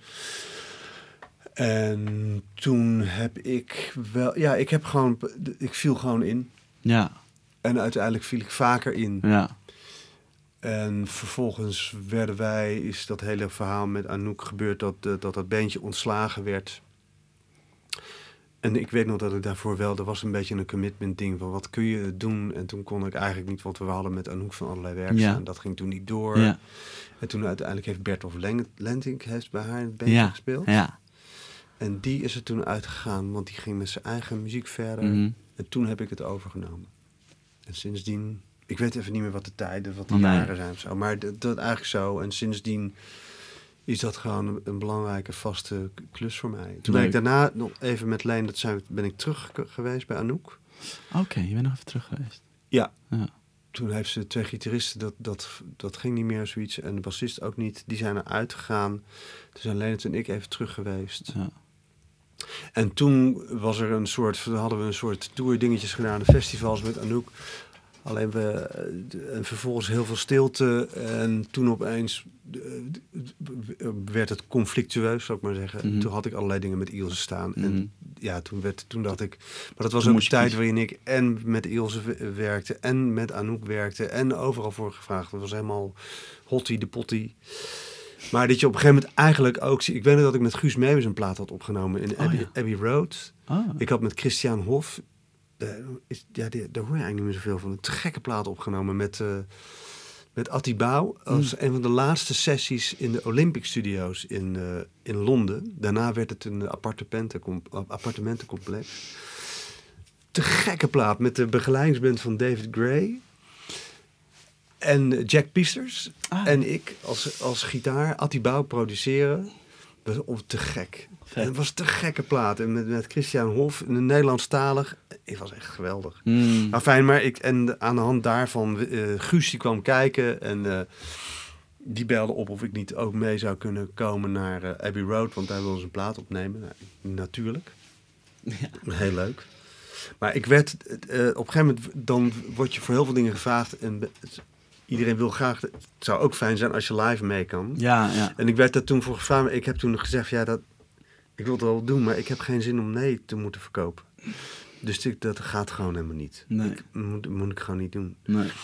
Dus, en uiteindelijk was dat met Anouk en Ilse kwam dat op een gegeven moment ook zo ver. Dat Anouk eigenlijk niet met invallers wilde werken. Mm.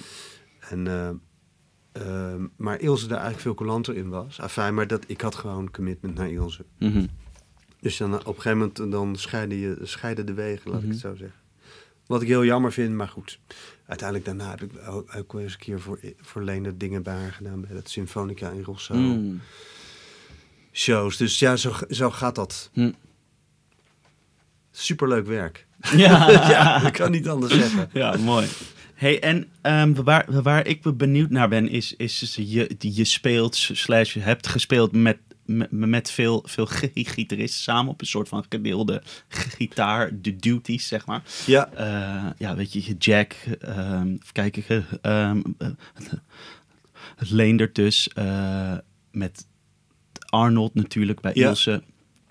De Wat, wat, de wat het, heb, hebben we je nodig om dat het goed te, te doen samen, zo met z'n tweeën of soms met z'n drieën, met Jori ook bij Ilse. Hoe, ja, wat is daar voor nodig, denk je? eh, ja goede oren. En, lu- Ja. en blijven luisteren. Ja, En beseffen dat je niet... eh, dat je elkaar moet helpen. helpen. in de sound dingen en in Ja. wat de functie is van iemand anders. En beseffen dat je natuurlijk, weet je wel, zeker in een, in, in, bij Ilse, het beentje waar, waar, heel, waar Ilse zelf nogal niet onverdienstelijk gitaar speelt. en Arnold en ik en, eh, en Jori, die natuurlijk ook daar zit voor een prachtige stem en heel mooi samen met Ilse een ding doet. Ja.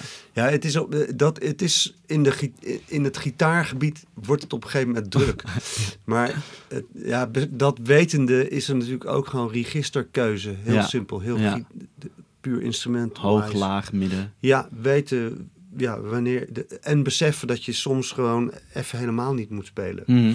Weet je wel, en ik ben op een gegeven moment ook pedalsteel gaan doen. En eigenlijk al jaren geleden echt mee begonnen om dat een beetje te masteren. En, eh, maar dat is bijvoorbeeld al een manier, weet je wel, van eh, op die snaren, maar eh, om het zo te laten klinken dat het niet in de weg zit van iemand anders. En dan soms heb ik het nu in de laatste tour met Arnold, is het pedalsteel ding en Arnold zit, en ik zitten elkaar dan eigenlijk heel veel in de weg. Oh, juist. Ja, want Oh. Arnold heeft heel erg een stijl van juist hele mooie noten ding. Gewoon op zijn gitaar doet hij, nou ja, je kent lang, Arnold ja. als geen ander doet Ja. hij dat. Ja. Maar dat zit eigenlijk heel erg in de flavor van die stijl. Juist, oké. Dus daar is het soms wel eens even zoeken. En vooral ook voor hem, maar ook voor mij. Maar eh, weet je wel, maar vooral ook voor hem van, oh wacht even, ik moet nu misschien, ik moet iets anders doen. En dan, en voor mij hetzelfde hoor, dat je gewoon denkt, oh kut, ik wilde eigenlijk dit, oh maar dat, het is wel mooi, maar ja, dat, dat gaat niet. Nee, ja, oké. En het allerbelangrijkste is dat er nooit, dat je, weet je wel, dat dat echt een muziekding is. Dus je moet gewoon, dan komt kennis echt om de hoek kijken. En weet je Mhm. wel, wat kun je daar op dat moment meteen eh, eh, doen om te zorgen dat je, dat je iets anders speelt wat aanvult. Heel vaak is dat niet spelen. Wel? Het is zo'n zo'n flauw van een niet spelen is ook een partij. Ja, ja. maar het is wel Het is wel waar. waar, ja. Het is wel waar. En het, overigens is het ook heel erg genre-wise. Weet je wel, zeker in het Amerikanen en country ding. Daar is het, dat hele ding van partijen is een Ja. veel belangrijker ding. Ja, Dus ook binnen, een, in, het- binnen zo'n concept van wat Ilse doet, is dat ding, echt die partijen spelen, is veel belangrijker ding dan bijvoorbeeld wat wij toen ooit met Anouk deden. Waarbij die partijen ook belangrijker zijn, maar veel organischer zijn. Bij Ilse is het veel belangrijker dat je echt probeert om binnen die partij, als het ware, die ruimte, te, de, de, die, dat avontuur wel te zoeken. Hmm. En dat kan. De- de- zeker. En dat is een- net op een andere manier rewarding, laat ik het Mhm. zo zeggen. ja, snap ik. Maar dat, ja, dat, ehm, en dat gaat dus ook over gitaarpartijen. Weet je wel, zorgen dat dat niet een drama wordt, zou ik maar zeggen. Ja, dat, daar moet je wel goed over nadenken. Van als jij nou probeert om per een liedje, van, probeer jij die partijen te doen, doe ik dat. En, Mhm. en vervolgens de truc om het organisch te laten worden. Dus dat je er eigenlijk niet meer over nadenkt. Weet je wel, maar dat het gewoon gebeurt. En dat is, eh, ja, dat is altijd een uitdaging, maar wel een hele leuke. En dat gaat als je veel speelt. En met Ilse spelen we heel veel. Mhm. Dan gaat het op een gegeven moment vanzelf. Ja. Dat is ook de kracht van wat tijd is met qua, weet je wel, niet één keer spelen. En niet maar een projectje van een week, maar Ja. gewoon al jaren met elkaar samenspelen. ja. Is dat je dus door dik en dun gaat. Weet je wel, niet, weet je wel, maar gewoon dat je dus van, oh kut, ik wil dit heel graag doen, maar oh, dat gaat niet. Want, en kan ik dan niet, oh nee, dat kan niet, want dit, dit gaat niet. En. Weet je wel, of iemand als Jori is natuurlijk is, is een geweldige songwriter, een geweldige zangeres die zichzelf heel goed kan begeleiden. Mhm. Maar het is niet iemand die als sessiegitarist Nee. even dat je zegt ja, maar probeer nou maar even dit, Nee. weet je wel. En ehm, dat is voor haar misschien net een stap te ver. Hmm. Maar wat zij wel heeft, is een hele aparte eigen flavor Mhm. daarin. Mhm. En eh, als je zo iemand, ja, dat, dat- en dat vind ik heel leuk, weet je wel. Dat haar flavor is misschien niet zo choppy als die uitgehoonde gitaarhoofden van Martijn en Arnold. Maar eh, wat ik er heel gaaf aan vind, is als zij bijvoorbeeld een intro speelt. Weet je wel, gewoon doe doe doe die die die Ja, ja. die. Weet je wel, Arnold en ik doen het meteen. Ja, precies, dat ta, meteen- goed, alles is helemaal goed en de toon is helemaal goed en alles is lekker zuiver en iedereen kan hierop bouwen en ik ben beton. Weet je, en zij is gewoon totaal niet gehinderd door kennis van zaken, maar ze speelt iets, gewoon iets heel moois. Gewoon prachtig op haar manier. Maar je hebt natuurlijk zelf op een gegeven moment last van, van, van beroepsdeformatie. Ja. Dat je dus denkt, ja, maar het is niet ta, ta, ta, ta, Ja, maar het is gewoon... ja. du, du, du, Ja, du, ja. du, du. Ja. Dus het werkt in eerste instantie vervreemdend. En ik geloof dat, dat, dat het bijvoorbeeld heel mooi is om te zorgen dat je daar je oor wel voor openzet.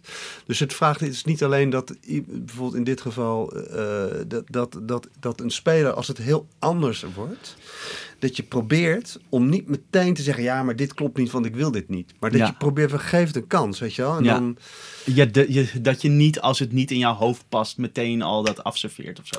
Nee, en ook Ja. niet op momenten dat, dat het gebeurt dan in, bij repetities is het op, weet je wel, de, de- daar is het vrij. Maar dat je ook probeert om, als het moment daar is, ja, dat is gewoon, dat is een onwijs lastig ding. Maar dat heeft tijd nodig, weet je wel. Dus, en op een gegeven moment vindt dat gewoon zijn plek.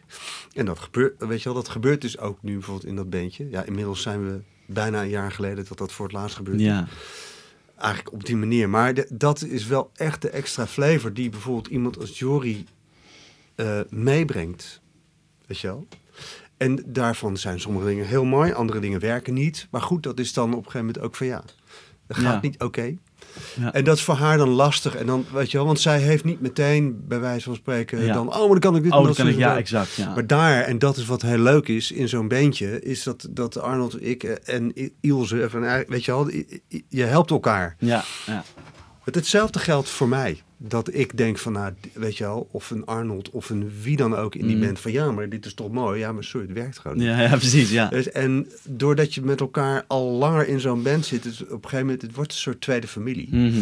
Weet je wel, je, en je, dat, dus je pikt het ook van elkaar. Dat je op Mm. een gegeven moment dat iemand even in je ego duwt. Mhm. Of ja, ego, het is gewoon je overtuiging van dat je iets goed speelt. Van, Ja. nee, ja, sorry, maar... Ja, het is, ja, het is toch e je ego wel? een beetje, ja. Ja, tuurlijk. En dat, heb, dat heb je met, eh, dat, heb ik met, dat heb je altijd. Weet je wel, dat ik met Ilse iets, dat Arnold en ik, of ik met Ilse alleen, dat we iets doen ergens voor een radio of tv, dat we doornemen en dat ik echt denk dat dit mooi is. En. Ilse zegt ja, maar ik hoor echt iets anders. Ja, Weet je wel? En dan is natuurlijk de. Dat is, soms is dat lastig, omdat je denkt, ja, maar ik wil toch echt per se, maar ik had het net bedacht. Oh nee, nou, toch niet, oké. En dan is het, daar ga je aan. Dat is Ja. eigenlijk het moment van, oké, dan ga je, maar oké, wat kunnen we dan doen? Ja, En dan moet je soms, dit, dit, die, dit, dan moet je jezelf als, je kill your darlings, mm er zijn Mhm. allemaal clichés voor bedacht Mhm. natuurlijk. Het is echt niet een nieuw verhaal, maar goed. nee, ja. Ehm, maar weet je wel, het is leuk om dan eh, een nieuw ding te vinden. En dat gebeurt in die band. En dat gebeurt dus als het gaat over die gitaren, al die gitaren, dat is, dat is Ja. wat er gebeurt. En- En heeft jou, jouw rol binnen die band nog een soort van evolutie doorgemaakt? Want ik, ik, ik, zie jou nu heel, heel veel, heel veel steel spelen bij Ilse en, en banjo. Ook volgens mij. Ehm, ja, dus ze heeft nou, ik ben wel degene die eh, eh, wat dat betreft eh, die dingen aanpakt. Dat ja, deed ik precies. daarvoor Een soort van multi-inzetbaar. Ik had al een dobro-ding. Ik was daar al mee bezig voordat ik met haar speelde. Ja. Ik was al bezig met... eh daar Stiel is eigenlijk wel helemaal in het begin met... Toen zij haar, die plaat opnam met So Incredible. Toen had ik op een gegeven moment via Rob Winter... Hmm. die, die had op een gegeven moment een, een pedalsteel. En die heb ik een tijdje geleend om te kijken wat dat kon.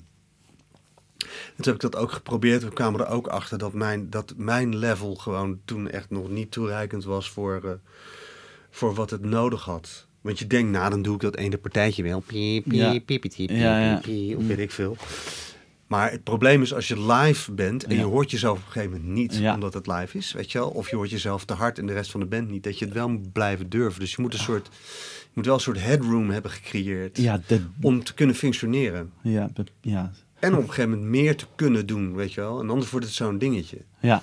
En, eh, maar goed, later, afijn, de- ik, ik heb die rol wel een soort van altijd wel gedoen, maar, gedaan. Maar ja, en Arnold is natuurlijk in dat geval, die deed, die, was, die deed het mandoline ding en akoestisch en elektrisch. ja. En ja, dus uiteindelijk ook soort, ja. Deed ik, eh, deed hij wel meer het solo ding. En eh, ik zat heel erg op het akoestische ding in het begin. Akoestisch en ook zeker wel elektrisch. Maar uiteindelijk op een gegeven moment is dat ook een soort ding. Ik zong heel veel. Of het was Mhm. dan wel zo van, ik zou hier graag een solootje willen doen. Dan, op een gegeven moment zijn dat wel dingen die wringen. Dat ik denk van, ja, ik zou het eigenlijk wel leuk vinden om dat ook wel te doen. Maar dan is het gewoon voor het geheel niet zo handig. Of is het je eigenlijk net de manier waarop ik bijvoorbeeld op akoestische gitaar speel Ja, net een ding wat Arnold net niet eh, op een andere manier doet dan ik. Weet je wel, waardoor, die, eh, waardoor het eigenlijk handiger is als ik dat doe. Of omdat ik ook nog eh, alle backing vocal partijen doe, ja, is dat eigenlijk handiger. En hij speelt natuurlijk als duivel. ja. Ik bedoel, ik wil mezelf niet onder stoelen of bank stoppen, maar weet je wel, de, de- daar zit ook wel een ding. En het is, ja, zo groeit dat op een gegeven moment. Ja, precies. Ja, dat is je juist wel, we- we- we- wel tof dat je binnen zo'n grote band eigenlijk dus allemaal persoonlijkheden hebt die je op, op hun sterktes kan inzetten, zeg maar.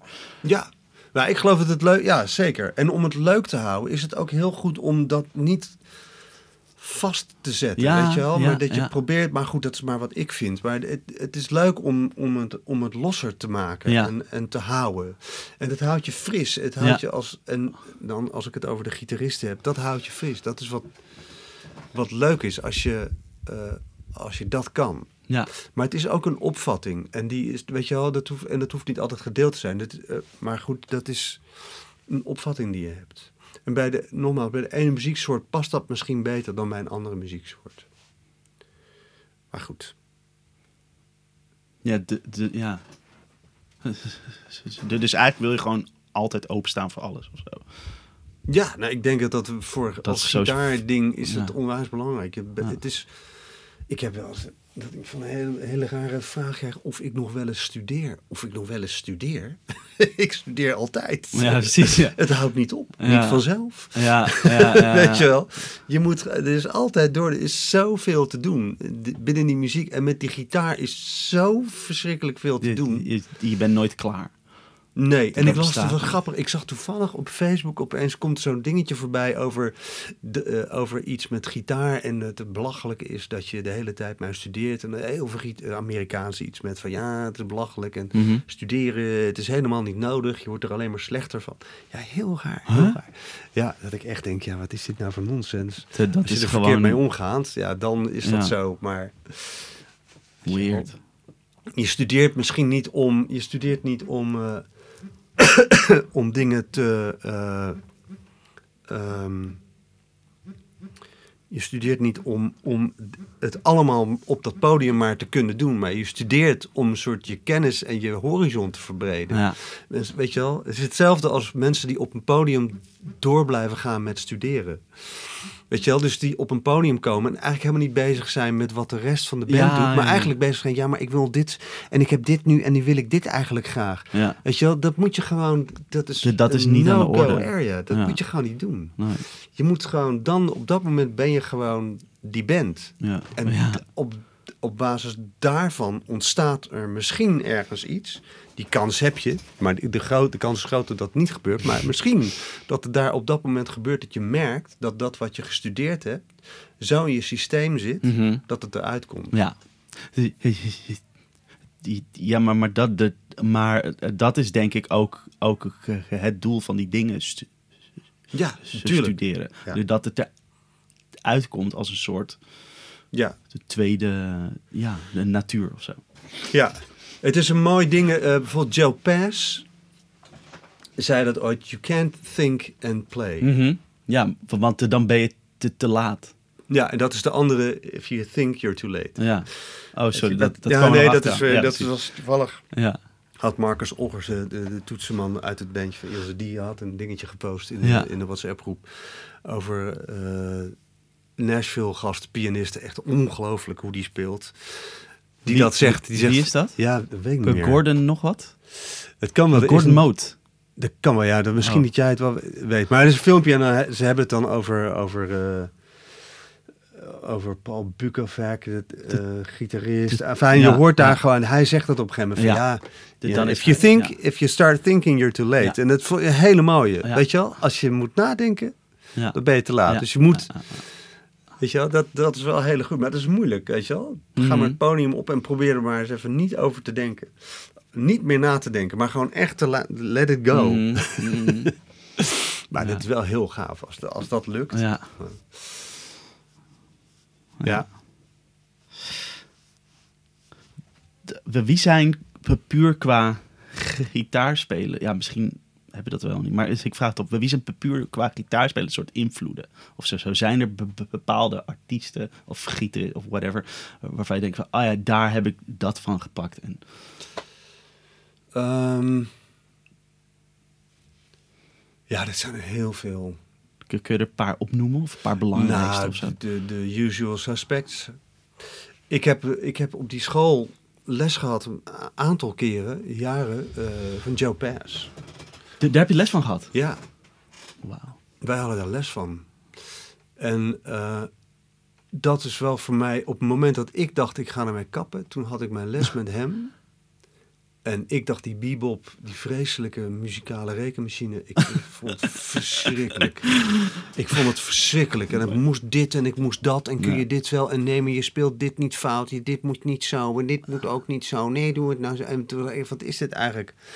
En ik had les van hem en we speelden There Will Never Be Another You Mhm. standaard. En ik, eh, ik wist gewoon niet wat me overkwam. Want wat, eh, ik, ik kon die chops nog steeds niet. En toen al helemaal niet. maar ik merkte dat ik met iemand muziek aan het maken was. Oh. En, dat, en met Dat- hem, en dat, had natuurlijk, dat deed ik ook wel met Klaus eh, Vlenter of met, met Ben de Bruin. Maar met Aha. hem daar, op, had het natuurlijk ook te maken met die, grote, die kleine Amerikaan met die hele grote cowboyhoed, om het zo maar te zeggen. Weet je wel? dus je bent onder de indruk, dus je bent ook Mhm. on fire, op dat toch. En dat je denkt, oh. Maar ik merkte dat, eh, dat hij in begeleiding, het was gewoon van, weet je wel, ik had een onwijs klik. Gewoon een muzikale klik Ja. met meneer Virtuoso, Ja. En het was echt te gek. En ik merkte dat iemand echt luisterde. En, of merkte dat, ik denk dat ik het, ik voelde het, maar ik kon het nog niet eens duiden misschien. Maar het was echt, ik dacht, wauw, wat gaaf. En, en, eh, en was vice versa, weet je wel. Mm. Of hij was gewoon ook een goede, goede leraar. Hij zei, Mm. yeah man, you got balls en dit, dit en dat. En ik weet nog dat ik zei, yeah, rock and roll. En zei hij, no, jazz. en dat vond ik heel gaaf. Want hij zei, yeah, it's all music, man. Ja, and ja, it's ja, a melody. Yeah, just have to make music. You know, these are the chords. melodie. Yeah, and play, It's just play same, melodies. And if you can make them really very, very intricate and whatever. Maar weet je wel, het is gewoon muziek. ja. En dat is ook zo te gek. En hoe hij die, die, dingen ook uitlegde, dat was echt heel gaaf. En toen dacht ik van, kijk, dat vond ik, ja, dat was een, een belangrijke les was dat. Vet. Daarna ben ik volgens mij, toen, daarna ben ik naar Berkeley gegaan. Maar goed, eh, hij is van grote invloed geweest wat dat betreft. En nog steeds in dat, eh, en zijn hele opvatting ding. En dat vind ik heel leuk. En, maar goed, ja, ik was ook meer eh popjongen Mhm. dingen. Kijk, ja, ik heb- vind Steve Lukather, zeker in zijn oude dingen, is een Oh. nogal een grote invloed geweest. Ja, Ik vind de waanzinnige muzikanten, wat hij nu doet, is helemaal niet mijn straatje Mhm. meer. Maar wat hij als sideman wel niet allemaal gedaan heeft. Ja. En overigens, eh, weet je wel, in Toto, weet je wel, dat is natuurlijk... Het wordt door veel mensen eh verguisd. Maar Nou, eigenlijk, ik vind het heel vet. het is onwijs gaaf. Ja. Ik, en ik vind, wat, wat het nu is, is, weet je wel, maar van toen... Weet je wel, Rosanna, Die- ik zat er niet... Dat, ik ja. weet nog dat dan bij, bij Frits Spits om vijf uur... eh, eh, wat was het ook? eh, De, de, de, heb ik even, ja, Frits Spits Ja. ding vroeger thuis, weet je wel. Rosanna was toen de hit. Nou, Ja. Dat was echt een soort van, hoe kan dit? Ja, het is zo Geweldig, het nummer. ja. En het ging mij helemaal niet eens over het gitaarspelen, Nee. maar later pas. Ja. En wat hij wel niet gedaan heeft op al die platen waar ik echt groot mee geworden ben. Mm. De Thriller van Michael Jackson, al die dingen. Zij waren hij. Ja. Hij en eh, Jeff Porcaro, Ja, weet je wel. Dave Page en al, al, al die gasten. Ja. Maar Porcaro ding ook dat de beat, dat drumding ook ongelooflijk. En look at her en zingen en, Mhm, en de mhm. dingen die hij geschreven heeft. ja. En de partijen die hij die, die maakte en Mhm. bedacht in studio. Ja. Zo, dat heeft, daar heb ik wel heel veel tijd eh, aan gespendeerd in de 90s. Ja. Dus dat is grote invloed geweest. Cool. En eh, ja, iemand anders die ik te gek vond en vind eh, Jeff Beck. ja. Als wel omdat ik dan, dan kocht ik de, de, zijn cd Flash. En dan dacht ik, ja, wat is dit? Mm. Dat vond ik eigenlijk gaaf, dat ik het niet begreep. Dat ik dacht, Ja, oké, nou dat het daardoor soort Ja, weet je wel, look at her. Weet je wel, heel Ja. erg West Coast. Ja. Ja, precies, ja. Chorus, Heel mooi nog meer chorus, tri-chorus, quadra chorus, delay, delay, compression, eh, modular Soldano systems. Weet je wel, een zwaai, Mike Landau, en dan Jeff Beck, Jeff gewoon Beck, brash. Ja, gewoon klonk, Ja. maar nogal de waarheid. En, en eh, geniaal. En dan wat ik wel grappig vind, is dat je van al, in al die interviews bijvoorbeeld met Luke Etter, dat hij Jeff Beck Ja, natuurlijk ook grote invloed. grote invloed. En ja, ja, geweldig. Maar Steve Lukather ook, de hele oude Toto. Er is op YouTube een filmpje van hem. Dat ze met Toto, ook nog met andere gitarist, dat ze in Ja. Japan spelen in 1979. Ja, ja. En hij heeft zo'n broek aan en zijn Les Paul met van, en van dat haar. Maar wat hij daar, dat, jongen, man, dat is Die, die gast was jongen. toen echt t- 20 of 21 Ja, of zo. Als je echt- hoort wat hij toen al deed. Ja, Jezus, dat is niet normaal. en ze al deden. Maar dat Ja, gaaf, Ja, ja, maar dat te gaaf, jongen. Jezus, joh. Echt gek. En het is niet, trouwens, en het is iets wat mij inspireert. Het is niet voor mij nooit geweest van, nee. eh, van dit, dit ga ik nu doen en dan kan ik het ook niet. eh, kan ik het ook. heb ik nooit gehad. Maar ik kom er ook achter dat mijn concentratie is daar gewoon ook te kort voor. Ik was heel snel met alles, ook met dingen van, met jazz solo's uitzoeken of met whatever solo's uitzoeken van van, oh, oké, weet je wel, het begin en oh, dit is leuk. Of, oh ja, dit is een gaaf dingetje. Maar ik was al heel snel van, ik ga er mijn eigen ding van maken. Hmm. En misschien wel omdat ik gewoon, eh, gewoon de concentratieboog niet had. Om het helemaal uit te zoeken met, oh ja, dan ga ik dat helemaal doen. Hmm. En dat misschien aan de ene kant ja, maar aan de andere kant eh, heeft het wel bijgedragen. Misschien tot een soort eigenheid. Waar ik blij mee ben. En die past niet altijd zomaar in de, in de handigheidsding van de... Ook niet in de handigheid van de Nederlandse popmuziek. Weet je wel, maar het heeft wel een soort mijn eigen ding. eh, Dat is misschien, ja... Hoe zeg je dat? Mijn eigen ding versterkt. Mhm. Ja. het zo zeggen. Dus hij, Jeff Beck, ja, god, ik ben niet heel erg van de alleen maar die gitarist of die, weet je wel, heel, vroeger op de HAVO luisterde ik naar eh, naar Larry Carlton. Ja. Vond ik het fenomenaal. Ja. Ja. Dat kon ik helemaal niet, maar ik vond het geweldig. Ja. En ehm, dus zeker ook van grote invloed geweest. Hm. Eh, Landau niet zo. Wat ik heel gaaf vind aan zo iemand als Landau is dat hij zichzelf de hele tijd opnieuw uitvindt. Dat en vind ik fenomenaal wat hij doet. Dus hij is later, of, of je later, maar zo weet ik veel, halverwege jaren negentig is hij, is hij weer een soort helemaal teruggegaan naar een soort van Marshall. En dan heel hard en dan Strat of zo. Dat, ah, juist, ja, juist veel heel- minder en op andere gitaren Ja. met zijn vingers, met zijn Ja. en dan met die pick-up dingen en, en dat vind ik heel inspirerend. Hij is iemand die de, die de weg van de weerstand kiest.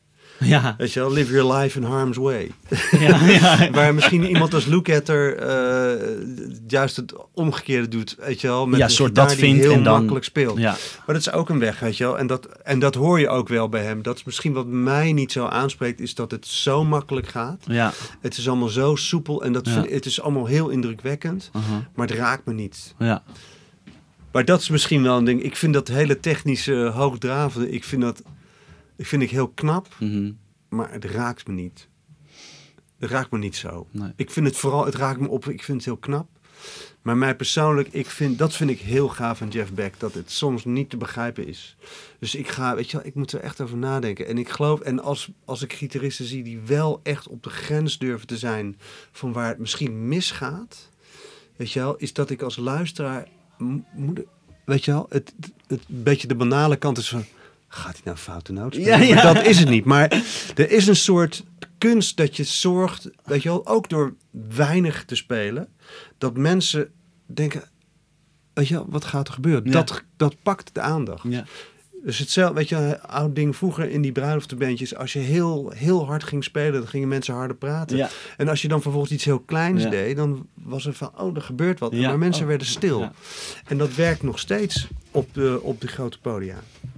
Ja, maar dat, dat, ja. Weet je wel, maar goed, dat, en dat, zit dus, dat is misschien een ding wat ik overal aan gitar, wat mij inspireert. Of wat mijn aandacht trekt bij gitaristen, is dat ding. Dat ze, dat ze dat kunnen, dat ze echt met heel, dat ze, weet je wel, die kwetsbaarheid kunnen durven laten zien.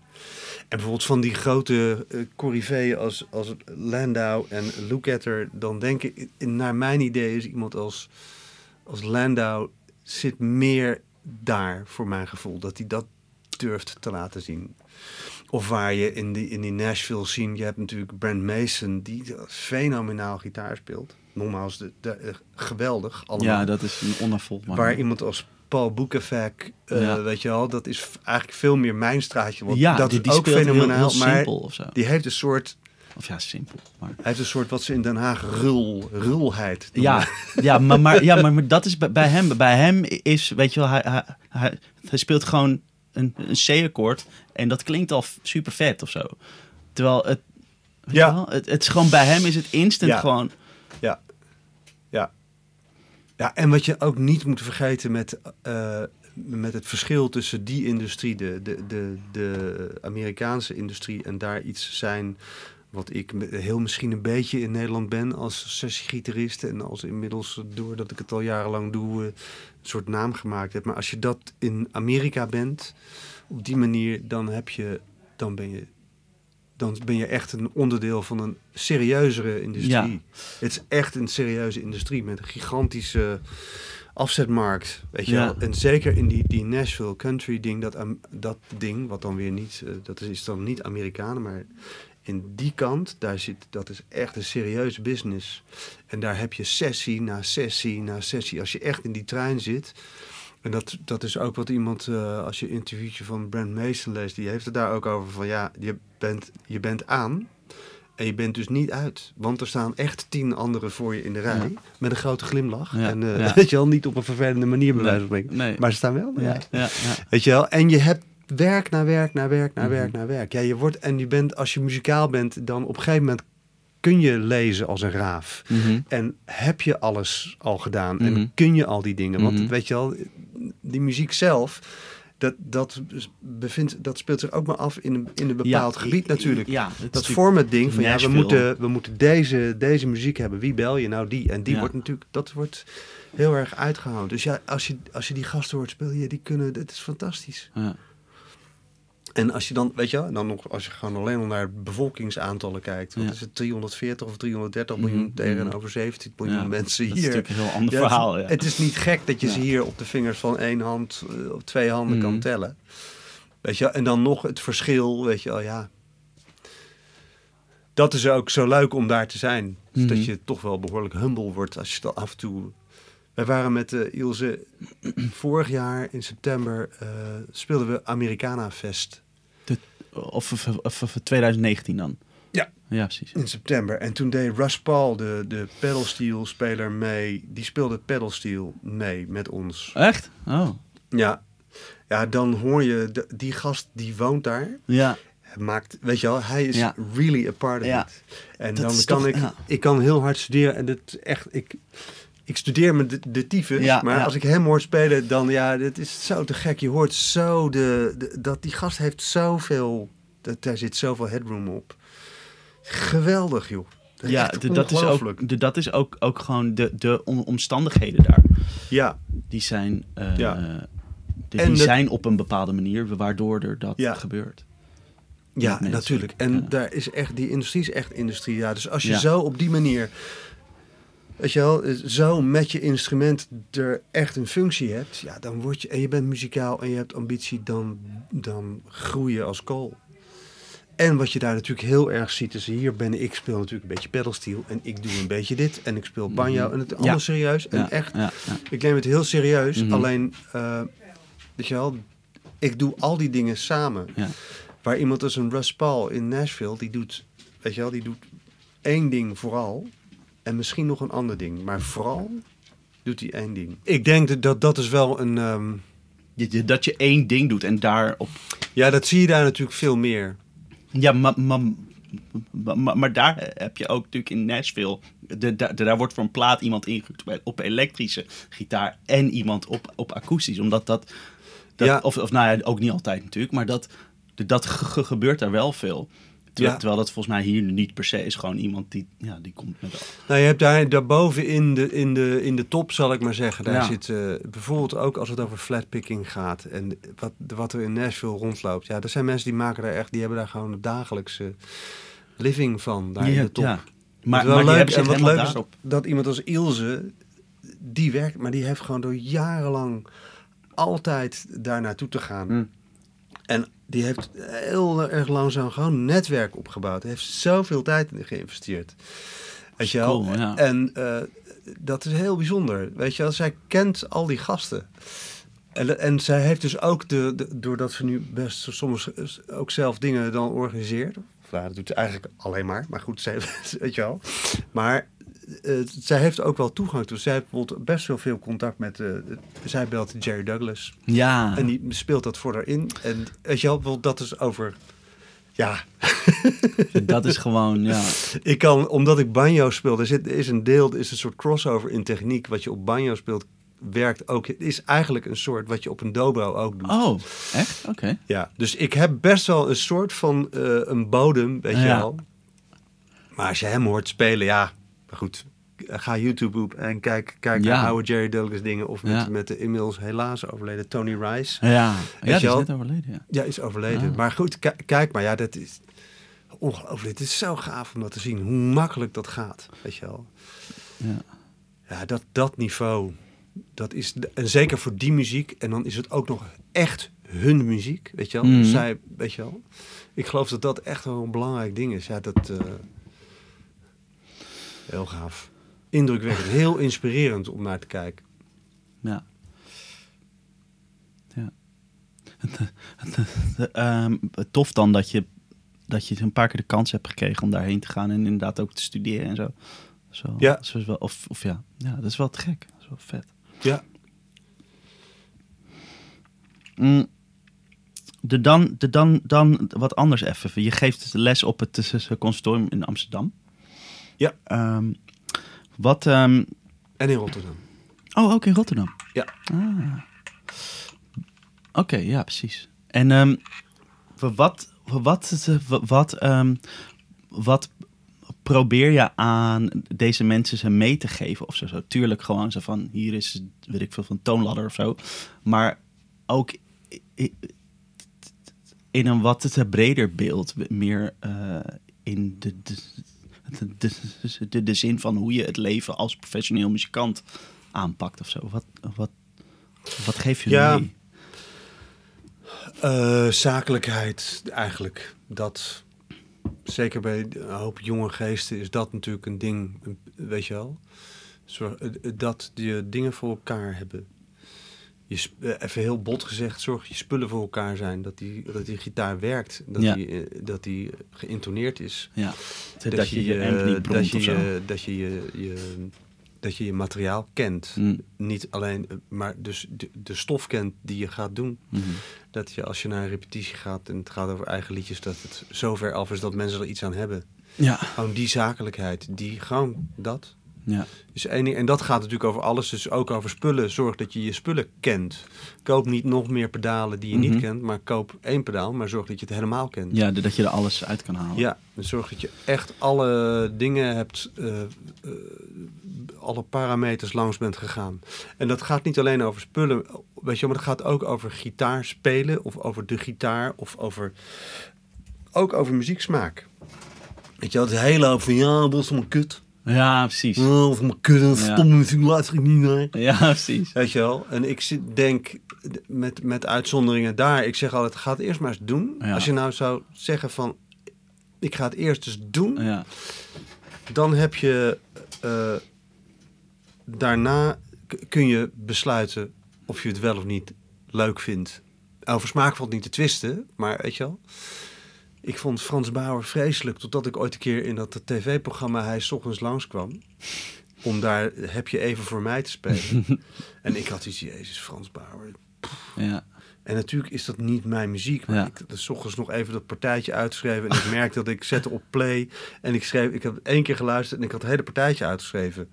Ik zei, WC is super simpel. Ja, ja, ja, ja. Dus ik naar Amsterdam rijden, opstellen. Wij zo'n hele camerarepetitie doen. Als laatste komt Frans Bauer binnen. met zijn achtergrondzangeres. En wij zitten er allemaal met Hans Eikenaar en, met, Mm. en ik en met Ronald Mm. en met E-Live op de... Grappig, nou, ik doe wel... hut, hut, hut, hut, hut, Ah, ja, hut. ja, Dat is ja. superleuk. Ja. En, eh, en de bassist en eh, we gaan spelen en ik zo van, ah ja, natuurlijk, ah, dat gitaarpartijtje, Ja. natuurlijk, boom, chick, boom, chick, heb je even Ja, voor boom, chick, boom, chick. Ja. En het loopt voor geen meter, Ja. het klinkt helemaal kut. Ja. En ik ook zo van, oh shit, ja. En hij, Frans Bauer die draait om en die zegt gelijk tegen, de, tegen iedereen, jongens, we moeten dit even beter aanpakken. Maar heel aardig, hè? En die zegt, die zegt als eerst, zeg bassist, kom jij eens even van die luie stoel af? Zei die dat? Ja, zeg, kom jij eens even van die luie stoel af? Want zo gaat het niet. Die had, en, tegen, en, en eh, Hans, Hans, dit is de beat. Weet je wel, en dit is de partij. eh, ja, oké. En ja, uh, Ila, hartstikke goed en dit en dat. Oh ja, en die gitaar, nee, het is dit, dit, dit, dit, dit, dit, Mm. En ik echt zo, oh ja. En hij had binnen een minuut, had hij de hele band aan het swingen. Wauw. En toen dacht ik, ja, het is mijn muziek niet, maar ik heb wel is- toch, en ook over hoe het in elkaar zit. Weet je, ik Respect. denk, zo, Respect, man. dat was Nou. even een lesje.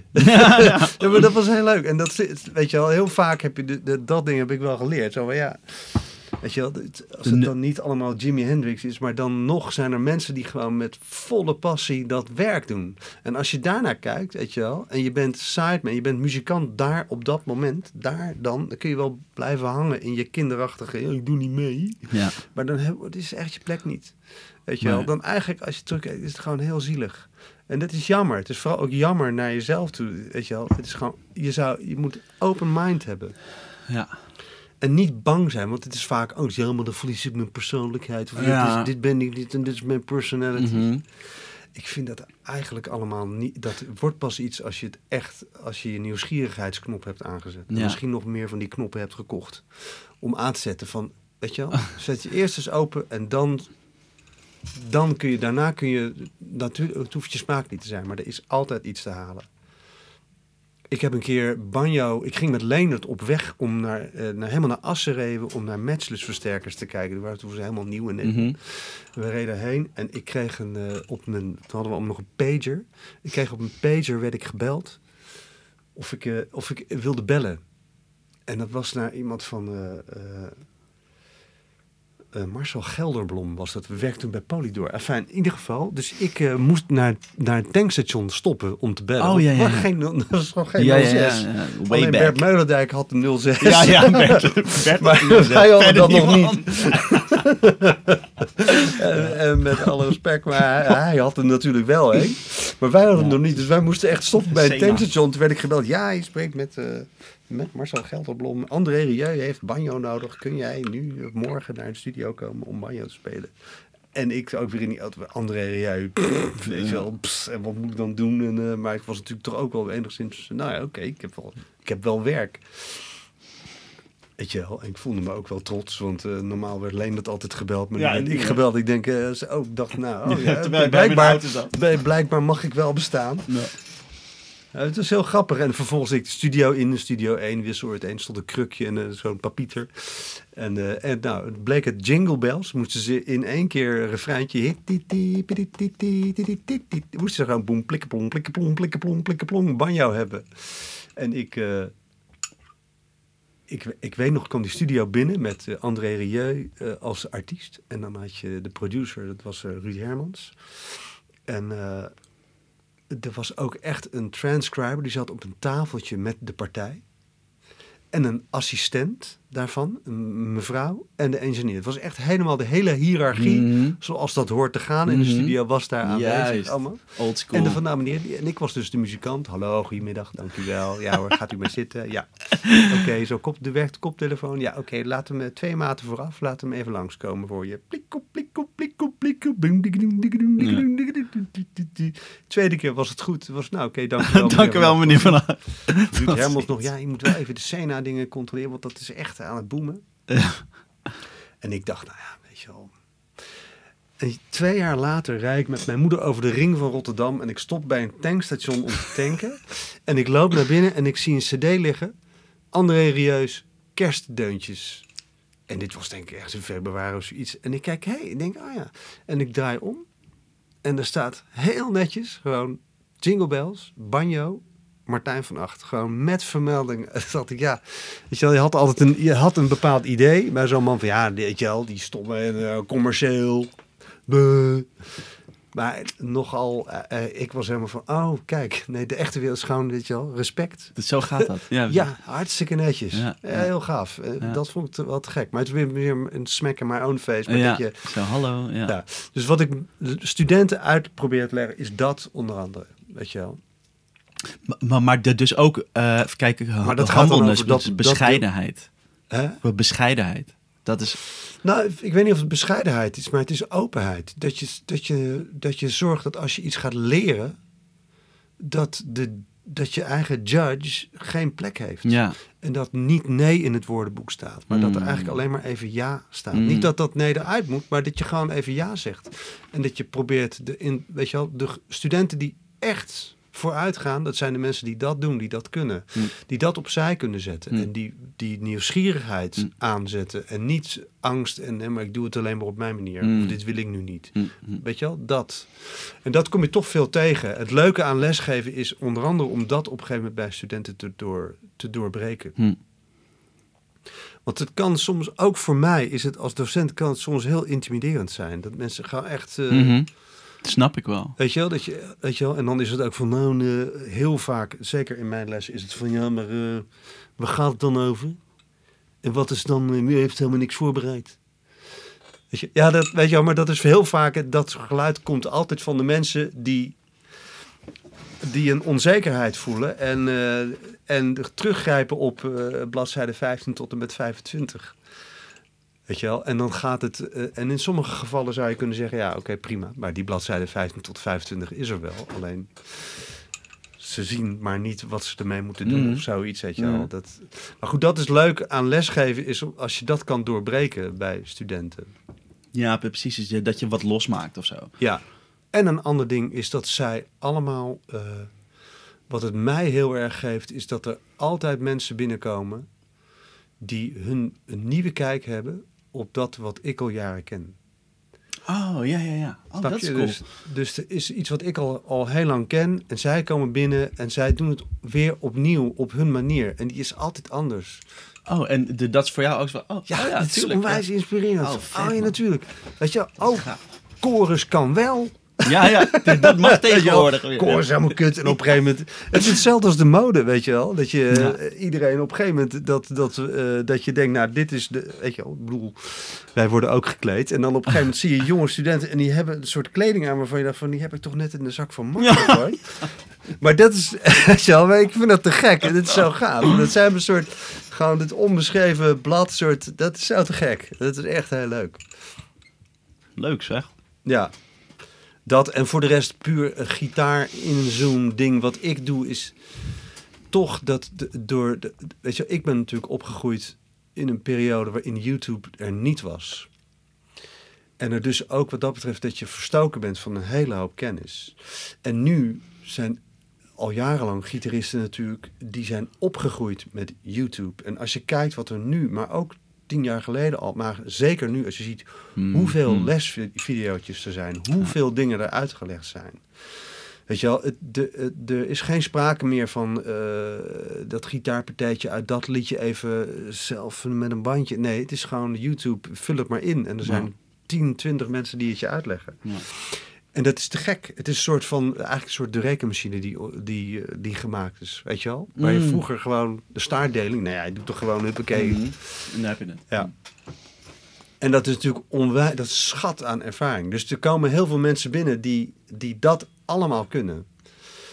Die kunnen allemaal, ze kunnen allemaal sneller spelen dan ik. En ze kunnen allemaal beter, ze hebben met een hele hoop dingen zijn ze gewoon veel beter dan ik. Hmm. Het enige waar het vaak nog aan ontbreekt is dat ze niet weten, dat ze niet per se meteen weten wat voor gereedschap ze gebruiken. Weet je wel, dus ze zijn zich niet bewust van dat ze uh, minor pentatonisch gebruiken Oh, met een check. dit. Of dat ze, Blues langer, ja. of weet ik veel wat, dat Ah. ze eigenlijk eh, over A7 de toonladder van D spelen. Ja. Of ze zijn zich niet bewust van het feit dat, weet je wel, dat je die lik wel kan leren. En dat die aardig klinkt Ja. over dat ene Ja. akkoord. Maar dat die over het andere akkoord voor 80% aardig klinkt. Alleen Ja. die ene noot klinkt echt helemaal KUT. Ja, ja, ja, ja, dat gaat niet. En En waarom weten ze het niet? Omdat ze niet zien welke gereedschappen of Nee. welke bouwstenen ze eigenlijk gebruikt Nee, hebben. nee. Dus wat ik vooral doe in mijn les is dat. De, Ze dat aan elkaar. Nou ja, gewoon dat. Gewoon, wat ik altijd zeg, het is een soort gereedschapskist die op orde wordt gelegd. Mhm. Weet je wel, van kijk, dit, zijn, dit is wat arpeggio's zijn. Dit is wat die toonladders zijn. Mhm. Dit, is, dit is wat akkoorden zijn. Dit is waar akkoorden uit bestaan. Hm. Weet je wel? En ik zeg altijd van, check dat en ga dan eens terug naar al die dingen. Ja, de, ja de, dan, de, dan begrijp je het in één keer. Ja. Waarom je een bepaalde noot speelt. Op. Ja. Ja.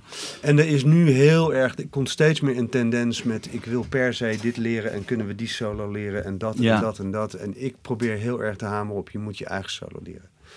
Oh ja, Maar- wil je, de, dan wil je de dan niet hun, hun be- be- bepaalde dingen van vroeger laten, of weet ik veel, die er Ja. al zijn. Nou, maar weet je wat het stomme is? Dat, natuurlijk, en ik doe dat ook, maar er is een hele hoop wat ze zelf al lang, al jarenlang hebben uitgezocht op YouTube. Ze zijn allemaal, kennen ze alles van Slash. Oh, Of ze kennen alles van, van eh, eender welke gitarist. wie dan? Ja. Weet je wel? Dus ik kan dat nog een keer doen. Maar Mm. eigenlijk in mijn tijd denk ik altijd van... Nou, kijk, dit zijn de bouwstenen. En Mm. probeer nou eens...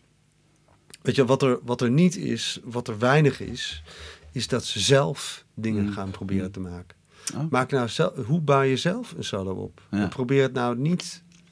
Weet je wel? En dan wordt het vaak stil. Hm. En dan wordt het ook vaak zo stil, ook voor een student... eh, dat ze op een gegeven moment denken... Ja, kut, maar ik moet... Ik beg- begrijp de les niet meer, meester. Dat is eigenlijk wat er gebeurt. Oh. En dan moet je ze er ook weer bij houden. Weet je wel, dat is het moment van... Ja, maar wat doen we nou eigenlijk? En dat is Hmm. dat ik op een gegeven moment zeg van... Ja, je, je, moet, je hebt een eigen inbreng. Ja. Je eigen inbreng is Ja. belangrijk. En de les wordt natuurlijk door mij gemaakt. Maar het is een heel simpel ding uit bedrijfsleven. Als er geen vraag is, is er geen antwoord. Mhm. Heel simpel. Ja, ja, ja. En dit, dit zei mijn oudste broer, die, die, zit- die werkt al heel lang bij een groot bedrijf. Met PwC. En dat is, weet je ook, consultancy dingen. Hij zei het een keer tegen me. Ja, als er geen vraag is, dan... Ja, er kunnen allerlei antwoorden gegeven worden, maar die snijden eigenlijk niet zoveel hout. Ja, ja, ja, precies. Als je een vraag hebt, dan krijg je een echt goed antwoord. Ja, precies. De, de, de- de- de- dus eigenlijk moet ze het zelf bij bij jou eruit halen. of Nou- dat zou in de ideale wereld. Ja, ik, Zou dat- dat en ik geloof dat dat eigenlijk, dat is los van, die, van mijn les, maar dat is een hele belangrijke. En ik vind dat dat een belangrijk ding is om, om studenten, of het nou muziek is, of maar gewoon, weet je wel, probeer je eigen vraag. Hm. Probeer die vragen in, in al die stof, het allemaal op die kar achter je hebt gelaten. Probeer Hm. daar nou eens, als je nou zelf eens iets gaat maken, dan ontstaan er vragen en kom je, loop je tegen dingen aan. Hm. En dan moet je ook nog als student, moet je natuurlijk wel, weet je wel, waar je mee kan helpen, is zeggen van hoe, hoe doe ik dat, weet je wel? Ja, precies. Weet je wel, nou, weet je, dat, en dan heel, heel erg ingezoomd, bijvoorbeeld op zo'n stomme arpeggio. Weet je wel, een arpeggio is natuurlijk 1, 3, 5, 7. Dat weet jij ook. weet je wel? En dan kun je zeggen, nou oké, ik ken de arpeggio.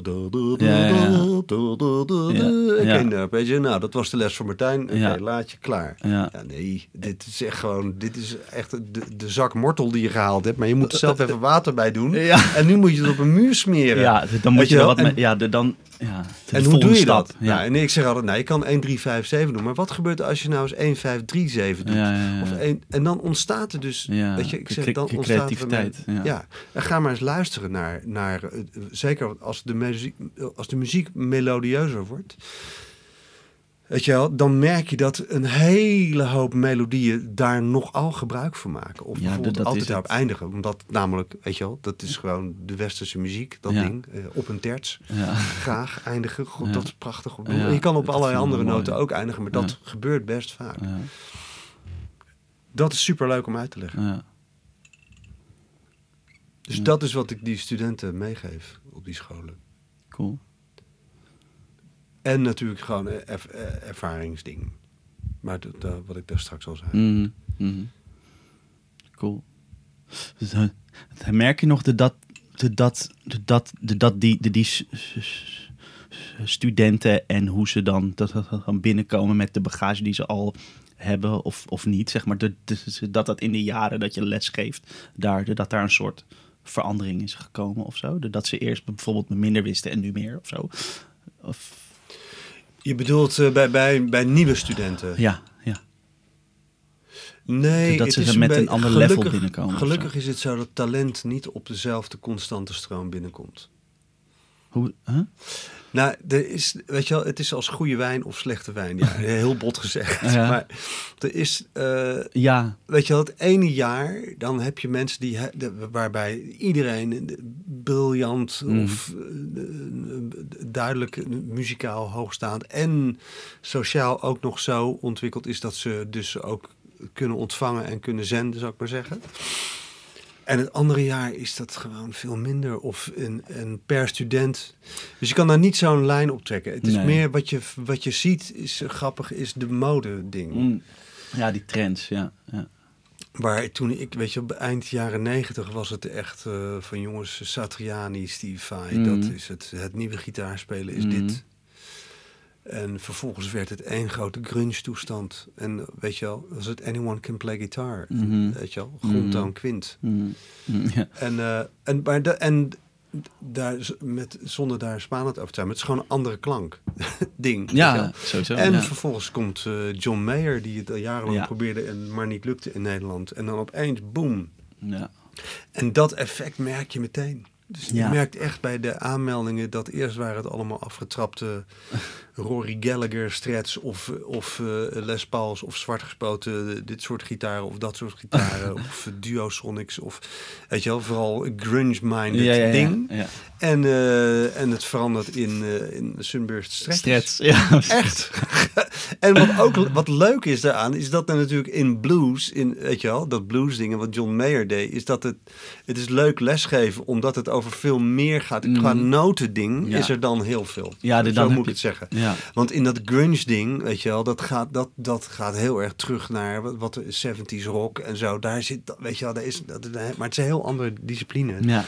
zal ik maar zeggen. Maar als Ja. het over noten gaat en over harmonische ontwikkeling van studenten, dan is zo'n blues-ding eh, heeft wat meer eh, collateral eh, damage, of in dit geval het- werpt meer Een- vruchten af. De bredere, Ja, zeg maar, maar historie. Ja, en ook in, in wat natuurlijk gaaf is aan een blues is talk on your guitar. Weet je wel, vraag-antwoord. En weet je wel, dat is, eh, daar zit wel een soort, dat kun je op een gegeven moment niet alleen op gitaar doen, want je, je, je gehoor ontwikkelt zich misschien op een andere manier, zoiets. Nou goed, dat weet ik, dat, dat zeg ik ook alleen maar vanuit mijn eigen ervaring als gitaardocent. Maar ik denk dat een andere musicoloog, die zal dat wel, eh, die zal me nu wel ontkrachten. of zeggen, you don't even scratch the surface. Ja. Ja, ja. Cool. Eh, Oké, ehm, even kijken. nog, nog een laatste vraagje en, en dan kunnen we even een beetje met de gear en zo. eh.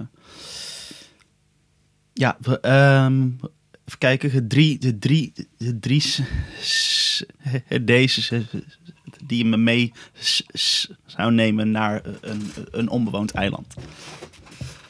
Oh, de Desert Island Choice. Ja, maar, maar drie maar. Dus het is echt heel weinig. Gitaren. Nee, nee, Oh, sorry. CD's. Oh, sorry, dus is echt albums, ja.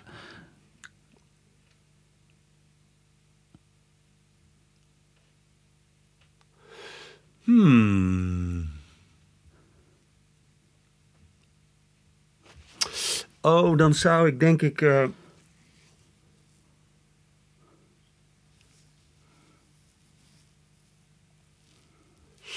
eh, Goldberg variaties. Die had ik niet aan zien komen. Oké, vet. Ja, Bach. Ja, ja. En dan het liefst die van Murray Pariah. ja die ik wou zeggen door wie dan? Ja, Ja, die is behoorlijk eh, smooth. Maar die, en, eh, en van eh, zit de, de, de grote Canadees. hoe heet hij nou? Eh, verdorie, mijn naam ontvallen, ontschoten. Eh hele belang- Glenn Gould. Eh, Ja, precies. Maar Ja. Glenn Gould is wel heel erg... dat is- eh, ja, die die is heel bekend ik volgens vind mij. dan Die- is dat onbewoonde eiland is wel erg. Ik kan wel wat liefde gebruiken. Dus wat zij de zachte fluweelheid van Murray Pariah is dan wel op zijn plek. Ik zou dat meenemen. Om, dat zou ik zeker wel meenemen. En dan. eh, oh, dat vind ik moeilijk. Weet je, ik ben niet iemand die zo. Ik heb niet die overtuigde fan-fan-ding van voor maar één ding. Maar een plaat die ik bijvoorbeeld heel veel gedraaid heb vroeger, waar, waar echt wel een soort soul-ding in zit, is van Leonard Cohen. een plaat, en dan moet ik altijd nadenken. Ik weet niet eens hoe die plaat heet. Mm. Avalanche volgens mij. Dat, vind ik, dat is wel iets wat heel dicht bij mij zit. Maar terwijl ik dat zeg, dan kan ik 3000 andere dingen opnoemen. Ja, ja. En. eh, mm, nog één, hè? Nog eentje heb je, ja. Je had Bach en, en dan nou... eh, Nee, Leonard Cohen. Eh, oei, ik denk. eh, songwriter, maar ik weet niet wie. Ehm,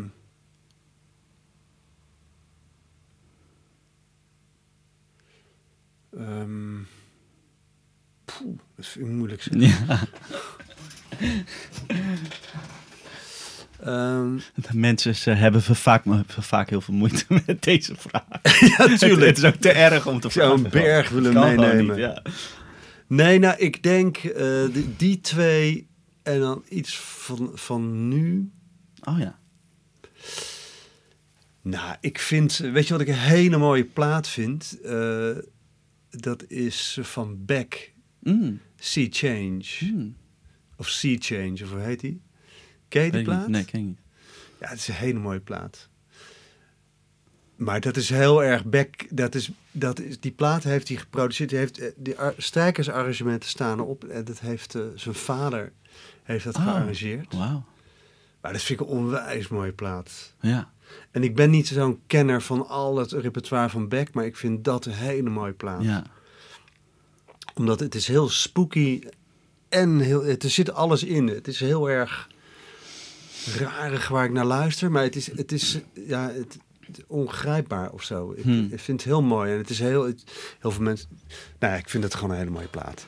En het is een beetje naar de is een, een Franse acteur. Die heeft, ik ben zo slecht in namen, die heeft Hmm. ooit een keer een plaat gemaakt. Serge Gainsbourg. Oh ja. Die heeft een keer een plaat gemaakt. En dat is de grote inspiratie voor, voor die plaat van Beck Oh. geweest. Oké. En hij zegt ook dat hij hem nogal schatplichtig is daarnaar. Ja? Als in dat hij echt op een gegeven moment dat het is van ja, weet je wel, wat Picasso zei, great artist copy, of eh, good artist copy, great artist steal. Stiel. Ja, ja, ja. ja. Dat is het een beetje, dat zegt hij. En als je ze naast elkaar hoort, dan hoor je qua sound en ook qua strijkdingen hoor je van, oh ja, De- Daar is het echt vandaan. eh. sea change, je moet maar eens checken. ja, ga ik doen. Maar ik vind, terwijl ik dit zeg, wat ik ook een geweldige plaat vind, eh, die heel dicht bij mijn hart ligt, dat is Bruce Springsteen. En dan in mijn geval, wat, wat mij wel heel erg gedaan heeft, is The Rising. Oh. Een plaat die eigenlijk bij Springsteen-fans helemaal niet zo van, ja, dat kan eigenlijk niet. En ik weet nog, dat was een beetje, dat was na 9-11 Mm. toen heeft hij die uitgebracht. En hij, eh, maar ik kon op een gegeven moment met Leendert samen, wij konden op een gegeven moment.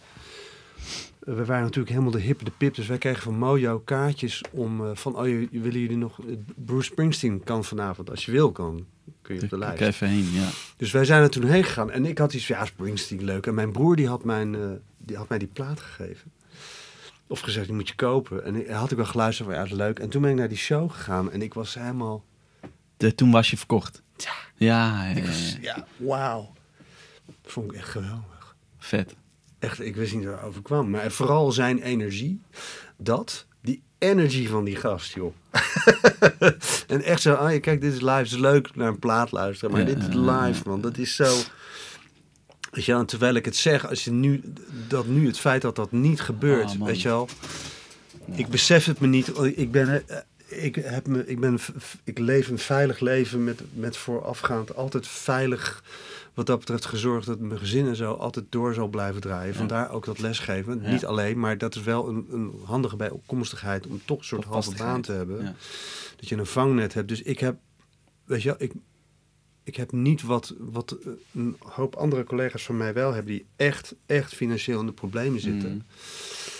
Maar los daarvan, ik, wat ik eigenlijk wilde zeggen is dat ik het eigenlijk niet zo door heb, want het loopt allemaal wel door met allerlei ander werk. Maar Mm. gewoon dat live spelen ding, dat is echt, dat dat, we- dat dat niet kan, dat is echt vreselijk. Heel heftig, ja. Dit is echt heel heftig. En we lachen allemaal wel, maar Ja, ik, ik merk wel, het ook maar bij we mezelf. Ik, ik heb ook heel, heel lang gewoon niet echt aandacht aan besteed. En, en nu heb ik zoiets van, wow, het is echt, Ja. echt, echt heftig dat, dat iets wat je zo nodig hebt om eh, gewoon door het leven... Ja, dat, is allemaal heel, heel dramatisch. Maar iets wat je nodig hebt om te leven als muzikant of zo, dat dat dan niet kan of zo. Dat is best, dat is echt heftig. Ja, Ja. dat is echt heftig. Ja.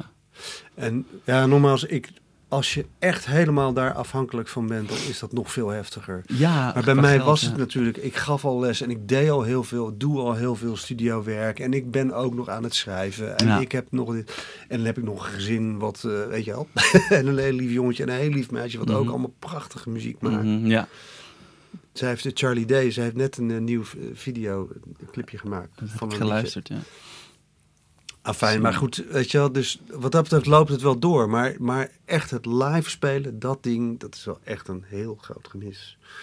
Namelijk ook de interactie en op dat podium en samen de- feng shui worden en dat ding ja, weer doen. ja, ja, ja. En de wisselwerking met je publiek. En, en die mensen wat wij nooit doorhebben, maar die mensen die daar echt heel erg dolgelukkig van worden. Echt, weet je wel. Dat is eigenlijk nu, nu zie je dat pas. Dat je van, kijk, dit Hoe- is hoeveel wel- waarde het ook heeft. ja. Echt hoeveel waarde het heeft. Ja. En, en ook hoeveel waarde dat samen zijn eigenlijk heeft. Dat ontstijgt dat is het belangrijkst. Ja, dat ontstijgt op een gegeven moment ook wat voor muziek je ook maakt. Maar dat geloof, weet je wel, dat is eigenlijk nu word je een soort van daarmee geconfronteerd. Mhm. Doordat het er niet is. Zo van Mhm. ja. Dus al die druktemakerij die je daarvoor had. Van ja, maar misschien weet je wel van joh, weet je. Je moet gewoon hele mooie muziek maken. Ja, ja, ja. ja. Nou, maar, maar, maar, maar, maar de- dat is er dan weer iets dat er mee komt. Dat je een soort van. Nu, nu dat weer op waarde kunt schatten of zo. Ja, De- Dat is dan misschien nog iets positiefs of zo. Wa- Wat er uit deze Ja, zeker, bizarre wereld eh, mee te nemen is of zo.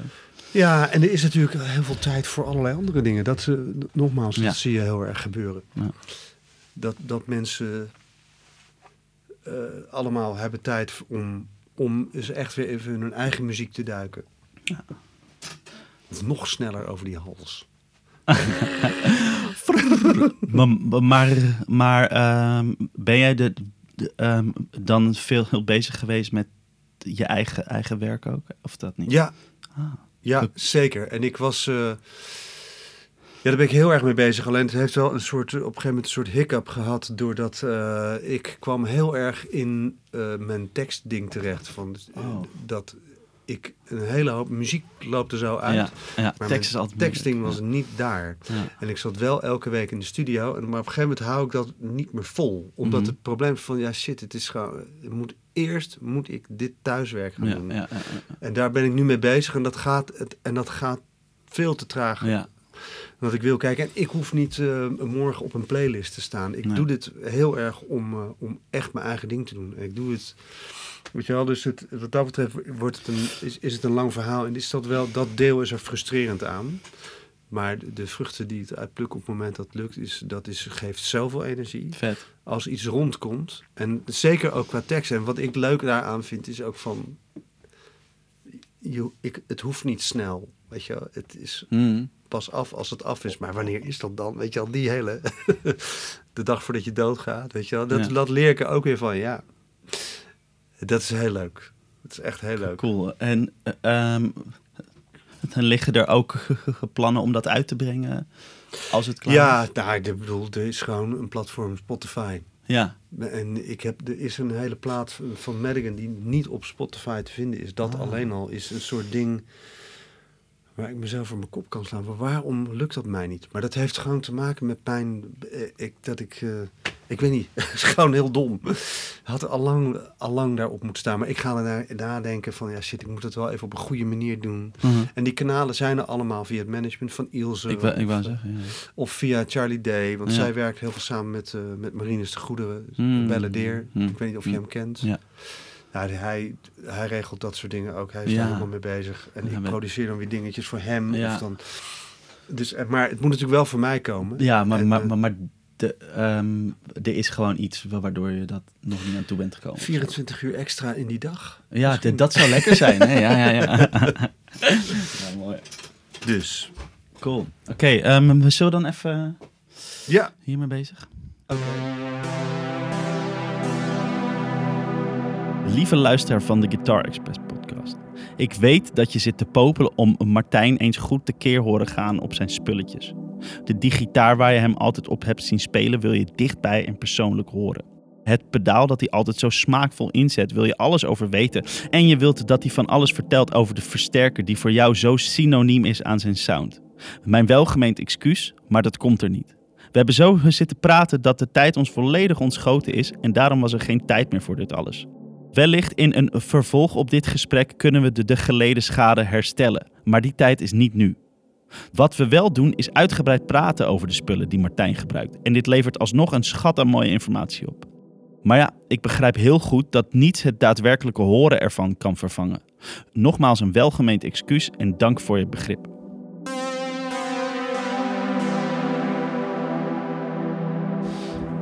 Daar staat dan nu nog wel een deel, maar normaal staat er één rekje. Is er bij Ilse, dan Ja. is er één, eh, één systeem hier en er is een systeem om naar andere studio's te gaan. Of Ja. er staat nog, zelfs nu ook nog weer, staan weer wat versterkers in een andere studio waar ik veel werk. Ja, Zodat ik minder hoef te- dragen. niet de hele tijd, ja. Nee, dat is dan niet zo nodig.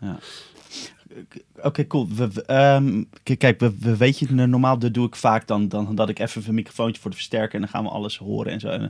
Maar goed, ehm, nu hebben we gewoon, niet veel tijd, dus we kunnen ook gewoon even een, een paar gitaren ehm, uitkiezen en dat je daar dan even wat over, dat we daar gewoon even over kunnen praten of zo. Nou, oké. Nou, mijn guild natuurlijk. Ja. de, de, de- dus de, dat was jouw eerste Ja. gitaar. Ja, dit is mijn allereerste gitaar. Toen klonk die anders. Nee hoor, maar goed. eh.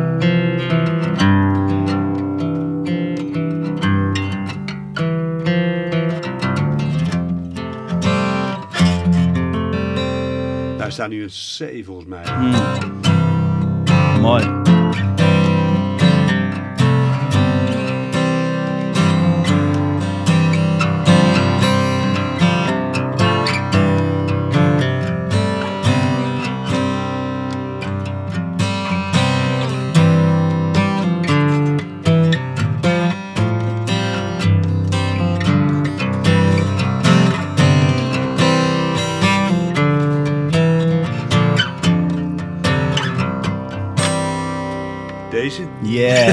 Mooi. En, en wat is dit voor type? Dit is een D50 Oh ja. uit 73. Dus, en eigenlijk is het een... eh, het is de, de, de guild take on de wereldberoemde... aan de D28 Martin. Ja, exact. Ja, Gew- gewoon een Rosewood. eh, Ja, en het zijn, gitaar, het zijn een beetje hidden gems. wa- Want er zijn er best veel van gemaakt. Alleen ze zijn... eh, iedereen, de focus ligt op Martin Gibson. ja. Maar Guild, zeker in die tijd, een vroeg jaren 70 en eigenlijk door de jaren 70 heen. Als je voor weinig geld echt een goede gitaar wil Ja? kopen, dan kan ik dat echt aanraden. En ze klinken niet allemaal zo open.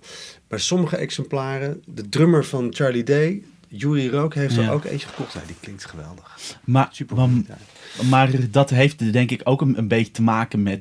Ja, ge- gewoon als je er heel veel of meer Tuurlijk. op speelt, Ja, zeker maakt dat uit. dan, gaat die open of zo. Ja. Ja, en dat is ook vaak wat je hoort met hele oude, al die oude vintage gitaren. Mhm. En al die verzamelingen. Als die gitaren dan eindelijk uit de kluis worden gehaald en je pakt ze. Ja. Ook bijvoorbeeld bij Rudy, eh, de Oh ja, fellowship. Fellowship. Eh, van hier moet je eens op spelen. En dan speel je erop. Maar dan denk je van, oh ja. Ja. Maar hij is gewoon niet wakker. En een Ja. oude gitaar heeft daar veel meer last van. Hoe dat nou precies ligt, maar weet je wel, met een nieuwe gitaar is vaak, dat komt omdat al die lakken zit er Mhm, overal mhm. nog op. Eh, daardoor he- hebben die gitaren allemaal veel meer hoog. Ja. Er zit meer hoog in. Ja. Omdat het gewoon stijver resoneert. Ja. Afijn. Maar dat is met oude gitaren wel een beetje zo, ja. Je moet, maar sowieso met gitaren. Als ik heel lang niet op mijn eh, telecastertje speel, en Ja. opeens weer wel. En op een gegeven moment wordt die, hij wordt gewoon warm of zo, hij wordt wakker. Of, eh, Apart is dat, hè? Ja, Ja, tof. Dus dat is die. Ja, Nou, dit is ook wel een aparte gitaar. Ja. Gibson Les Paul Signature. ja. Ehm ken je die? Ja, ik, ik, ik ken ze wel, ja. ja. De- Dat, is, de- dat is de jaren zeventig, denk ik. Ja, Vroeg jaren 70. En Ja. eh, Les Paul heeft, die- had hij ontwikkeld, signature ding, maar het liep niet zo goed. Er zijn er maar iets van 1200 van gemaakt. Ja. En een hele hoop van die gitaren zijn naar Nederland geshipped. Dus er zijn gek genoeg behoorlijk wat eh, signatures die in Nederland en in Europa eh, circuleren. Het is, he- het is een gitaar met laag-omige pick-ups. Ja. Eigenlijk om hem direct in de tafel te kunnen doen. Dus je hebt twee Mm. inputs. Je hebt een gewoon hoog-omige input. En hier aan de zijkant zit een laag-omige. En dan kon je meteen direct in de tafel spelen. En als je kijkt naar Les Paul met zijn Les Paul Personal gitaar, Ja. wel, met die microfoon. Ja. Dat was helemaal zijn ding natuurlijk. Ja. En een beetje die, die western swing-achtige dingen die hij deed. En die pick-ups hebben een bepaald soort... Het he- mist een beetje helderheid. Vergeleken met een gewone PAF of met een met mini-Humbuck-achtig ding. Maar het is wel stiller. Oh ja. En wat die gitaar heeft is... Normaal is een 335 model eh, Gibson heeft, is vaak maple, maple, maple met mahoniehals. En dit is ook met maple hals. Mm. Dus hij is wel stijver. Mhm. Dus als je hier 011 op zet, dan ben je echt aan het werk. Mhm. Maar het heeft wel een bepaald soort helderheid. En dat is vaak... En op een gegeven moment heeft Gibson in de Northern tijd... hebben ze Les Pauls ook met maple halzen gemaakt. Ja. Ja. Leonard heeft er één. Oh ja. En die gitaar klinkt te gek. Oh. Om, maar op een andere manier. Het is niet een, weet je wel, het is niet de van, maar zo hoort een Les Paul te zijn. Maar het heeft een soort, het heeft een soort helderheid. Hmm. Eh, Dat is wel gaaf. Het is echt wel een mooie gitaar. En ik gebruik hem heel veel in studio ding, omdat je, er zit ook een fase switch op waarmee Oh, je ja. De, in dubbele halspositie die fase kan draaien. Ja. En dat kan soms in een productieding net een ding zijn van, ah ja, Oh, dus dat ge- ge- gebruik je dan wel? Want het is wel Ja. altijd wel een heel specifiek sound of zo. Ja. Ja, maar het kan soms, en zeker bijvoorbeeld met een effectding, als je Aha. iets doet en je maakt echt in, in dat popding, je maakt partijen en je bent bezig met waar is nog iets waar de ri- ritmesectie kan helpen of zo. Mm. Dan kan, soms kunnen dat soort dingen, weet je wel, die aan zich misschien niet zo goed klinken, Mm. werken dan juist heel goed. En daar is dit apparaat eh, wel echt een goede voor. Gaaf. G- gebruik je die veel, die gitaar? Deze gebruik ik best veel, maar het is ook wel met vlagen. Ja, oké. En ik heb bijvoorbeeld mijn Telecaster heb ik dan een hele tijd niet opgespeeld. En Ja. nu heb ik hem eh, opeens weer ontdekt. Ja, Oh ja. Zo, zo gaat dat ook, ja. Heel veel meegespeeld met Anouk. Ja, ja. En eh, die en mijn 335. Hmm. En uiteindelijk ja. En nu weer heel veel daar. Ik heb, nou, voor de rest, wat is er nog meer? Nou, wa- waar, wa- Oh. wa- wat ik wilde weten is, de- deze s- s- s- strat, die, die witte, daar, daar, daar had je toch vroeger Ja. van die, die lipstick elementen in? Ja, dat klopt. En die Ja. slagplaten heb ik nog. Oh ja. Maar ik heb ze er even uitgehaald. Ja, die gitaar en mijn andere stret die daar net om het hoekje hangt. Ja. Sunburst. Die heb ik allebei bij mensen onder hun bed vandaan gekocht. en die komt bij iemand, bij een meisje vandaan. witte? en die was volgens mij heel ziek. Oh, En die heb ik gewoon eh, heel netjes gewoon... Want toen was er van, ah, kun je gewoon bij mensen, eh, weet je wel, Ja, ja, ja, zeg je ja. duizend gulden. ja, ja precies. En daar Maar was dat, ik niet zo van. En ik Nee. was toen, die heb ik gewoon 2200 gulden voor betaald Ja. toen. Ja. En daar heb ik heel veel opgespeeld. Het was een hele mooie gitaar. Mm. Ik heb alleen de pick-ups, de originele pick-ups zijn ooit een keer naar Leendert gegaan. Oh. en die zijn... Geen idee. Nee, dat maakt ook helemaal niet uit. Maar dit is wel grappig. Ja. Hoe, om, ja, dat je ziet hoe uh, Zo verwoven dat eigenlijk Ja, ja, ja, is. En, eh, maar fijn, die Mooi. gitaar die heeft, daar heb ik toen bij Harry Fuller, was toen de eh, gitaarbouwer in Rotterdam. Die- maar die woont nu in Emmen. Die werkt bijvoorbeeld weer dan bij Rudy. Wils in de, Ja. bij de Fellowship. Ja. En die heeft, daar heb ik ooit een keer gevraagd of die de, de pick-up pockets uit wilde frezen. Wat nu natuurlijk een, een godslast Heiligschennis. Ja, maar ik had van Erwin van Lichten ja, oh, die had over, ook. over ja. een geweldige gitarist Ja. gesproken. Ja. Eh, daar heb ik eh, van hem kocht ik drie originele lipsticks uit oude Silvertones. ja, dus En daar had eh, ik mee geruild of iets, of ik weet niet meer wat ik gedaan had, maar en die heb ik daar toen ingezet. En, maar die slagplaat is er nog steeds en die pick-ups zijn ook, en, en het is wel te gek geluid, het is heel, heel specifiek. de- toch wel echt anders dan de Ja. s- standaard strip. Ja, en ik heb het eigenlijk, ik heb dat idee van Erwin van Lichten.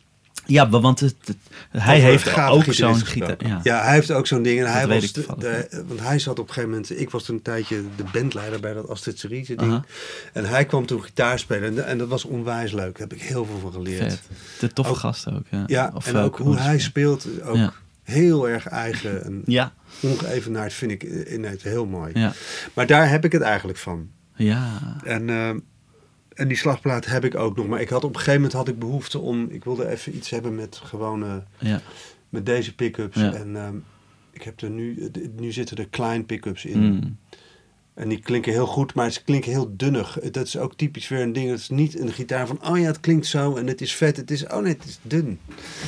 Maar, dus dat geeft me wel een soort eh, rem, zal ik maar zeggen. Of nee, Mm, een rem is het niet, maar het is een soort, eh, oh ja, deze sound is er ook nog. Je hebt vergeten groenten, maar je hebt ook vergeten sounds. weet je wel, echte dunne Fender sound. Als je oude opnames hoort van, weet je wel, van Buddy Holly of van... Weet je, wel, en je luistert naar die gitaarsound. Dat, dat, is, dat is niet vet en dik, en, maar dat is eigenlijk dunnig. Ja. Met het min, met alle de, de minwaardes naar de minpool ge- ge- gedaan. Om het maar zo clean mogelijk te houden. Ja. Maar het is een bepaalde sound. En die gitaar die zit een beetje in die hoek. Cool. Eh, dus ja, die. Ja. Nou, ik heb een, een mooie 59er J50. Die heb ik in Oh, Nashville ja. gekocht. Oh, vet. En ik had hiervoor ook een. Ik heb een keer een 63er gekocht. En daar zat een andere brug op. Er zat eigenlijk een plastic bridge op. Dat heeft Gibson een tijdje gedaan. Ja. En die klonk heel mooi. Maar ik was daar. Ik ging naar Nashville om bij Green een gitaar te komen. Ik heb die, die Martin gekocht, die Mm. Quattro O. Daar speel ik heel veel mee. Dat is echt wel een soort eh, werkpaard. Ja, dat is dus een nieuw, hè? Of Ja, nieuw. dat is een nieuwe. Ge- Geen vintage meer. Nee, maar dan Golden Era specs. Dan, Ja. Hij is niet triple O, maar hij is net iets breder. Waardoor hij iets meer sub heeft. Oh, wat is dat? dan? Hoe, hoe heet dat model? 4O is het eigenlijk. Oh, oh, is dat ook nog? Ah. Ja, kijk, en een triple O die klinkt wat, eh, die klinkt gewoon wat, wat ehm, iets middier. Ja. En dit klinkt, heeft gewoon iets meer sub. Ik weet niet of je dat hoort door die mic, maar eh, snaren zijn oud, maar beetje oud, maar het heeft een beetje een dread, een beetje D-achtige sound. Qua onderkant dan. Ja. Ja, het is, dus, eh, het is wat, het, wat, het warmer, of ja, niet warmer, maar wat meer sound dan Ja, er triple krijgt iets meer ondersteuning vanuit het Ja, laag. ja. En sowieso, je hoort heel duidelijk, een D, een dreadnought heeft echt een ander soort laag in zijn, in zijn eh, uit die body dan bijvoorbeeld in J50. J50 is een lichtere klank of zo. Er zit wel Mm. laag in, maar het is een soort lichteriger. Hmm. Waar die Martins toch meer een soort uh, lage soort, het is toch iets massiever of zo. Ja, ja, ja dat is dus, eh, dat is dus, eh, geinig, maar, maar zeg maar Gibsons en, en Martins hebben toch ook een hele eigen sound of zo. Ja, zeker. is echt anders. Ja, en dan gaat dan heel erg over bouwkwaliteit. Waarbij de Martins, waarbij de zijn achterkanten vaak veel meer, veel massieveriger waren. Mm. Waardoor ze het meer projecteerden. Ah ja. En waarbij een Gibson, dat is dan een beetje het verhaal wat ik zo opgepikt heb. Is waarbij Gibsons veel meer, de, de, waar de achterkant en zijkanten ook veel meer lichter gebouwd zijn. Dus Mm. mee resoneren. Hmm. Maar dat is niet, weet je wel, alsof dat bij oude Martins niet zo is. Hmm. Dus Ja. ik weet niet Ja. precies hoe dat zit hoor. Maar Ja. ze hebben het zeker, het is een ander karakter. Ja. En ja, en die J50, ik liep in een, een winkeltje binnen, Cotton Music in Nashville. En, dat, eh, en ik ging nog kijken voor misschien een triple O Clapton. Ja. En ik kwam iets tegen met Brazilian. En dat Uh-huh. was, en, maar toen hing die er en ik was eigenlijk meteen verkocht. Ik ja. denk ja. En daar heb ik toen best wel wat voor betaald. Maar het was Ja, die dollar stond toen heel laag. Maar de, de, die gitaar is echt geweldig. gaaf. Ja. Dus ik- dat is gewoon voorzien. Hmm. Oké. En, Ja. ja.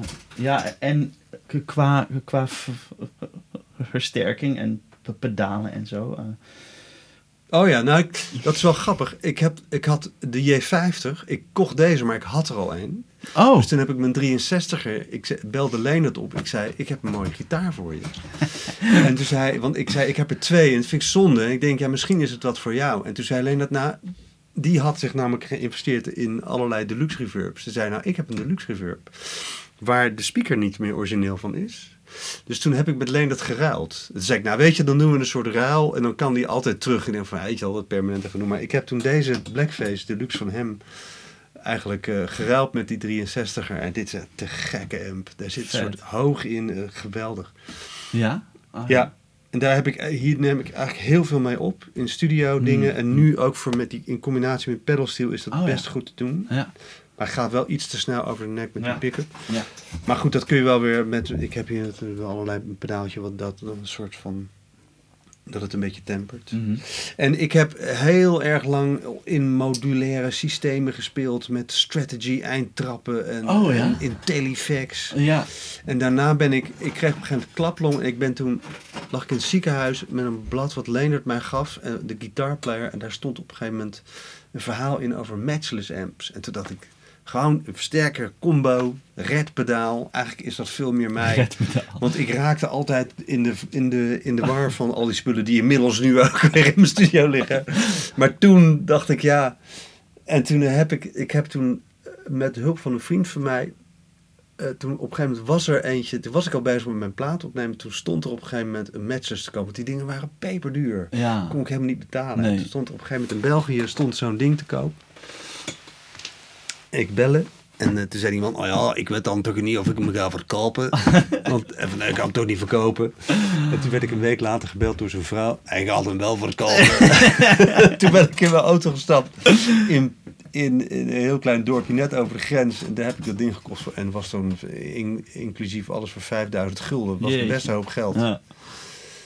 En, eh, maar daar heb ik heel, dat is eigenlijk nog steeds is dat wel een soort amp waar ik heel veel mee doe. Dat klinkt zo ja. te gek. Ja, wa- want daar, ze, de, wa- wa- want daar zo kennen de mensen je mee, zeg maar. De, de gitaristen, die, die, Ja. hebben het dan vaak over Ja, die nou, maar dat komt ook omdat dat was echt de amp waarmee ik ook die hele Anouk-tijd heb Mhm, gedaan. mhm. En ik was een van de enigen in Nederland die dat ding had. Ja. Ja, en dat bleek, dat is overigens blijkt uit allerlei andere. eh, Hele, er is natuurlijk een hele country scene die dat soort dingen al lang hebben. Mhm. En, eh, dus dat is helemaal niet zo. Maar fijn, ik heb daar wel echt heel veel mee gespeeld. Mm. Dat kreeg, ik weet nog dat wij op Pinkpop speelden en dat, eh, dat hoorde ik dan van de gitaartech. Dat ik stond dan aan die kant met dat ding te spelen. En dat die gitaartech van Metallica kwam. En die zei, you know, now that is a great guitar sound. Weet je wel, die zag dat het matchless was. En zegt, ze hebben een bepaalde sound. Het is een soort one-trick pony. Ze doen één ding heel goed. Ja. Maar het is niet een amp die ook nog een Fender is of zo. Het is echt een, een het is een AC30 on steroids. Maar het is wel grappig. En heel veel Nashville, al die Nashville Ja. sessiecats, je moet maar, al die filmpjes hebben Ja, allemaal zo'n top.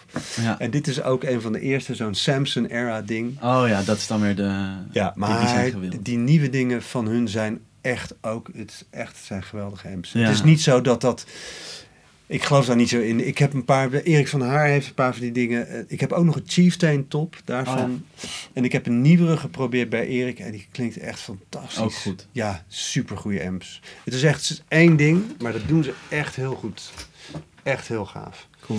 Ja, en ik heb voor de rest allerlei dingen natuurlijk bij elkaar gespaard. Ik heb een Princeton Reverb Ja. ooit een keer bij Feedback. Ja. Voor heel weinig werkt iemand bij Feedback, die belde me op. Ik heb nu iets ingeruild gekregen, dat moet jij kopen. Want ik vind het afijn, dat hij lief. Dus ik heb dat ding opgehaald. Dat is oude ook, hè?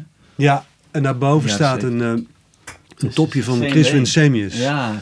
En ik werd een keer gevraagd of ik Agnator amps wilde uitchecken. Ja. Dan hadden we van die kleine topjes. Ja, en ja, toen stond dat ding bij Nederland Muziek. En ik zei van, ja, maar wat is dat eigenlijk?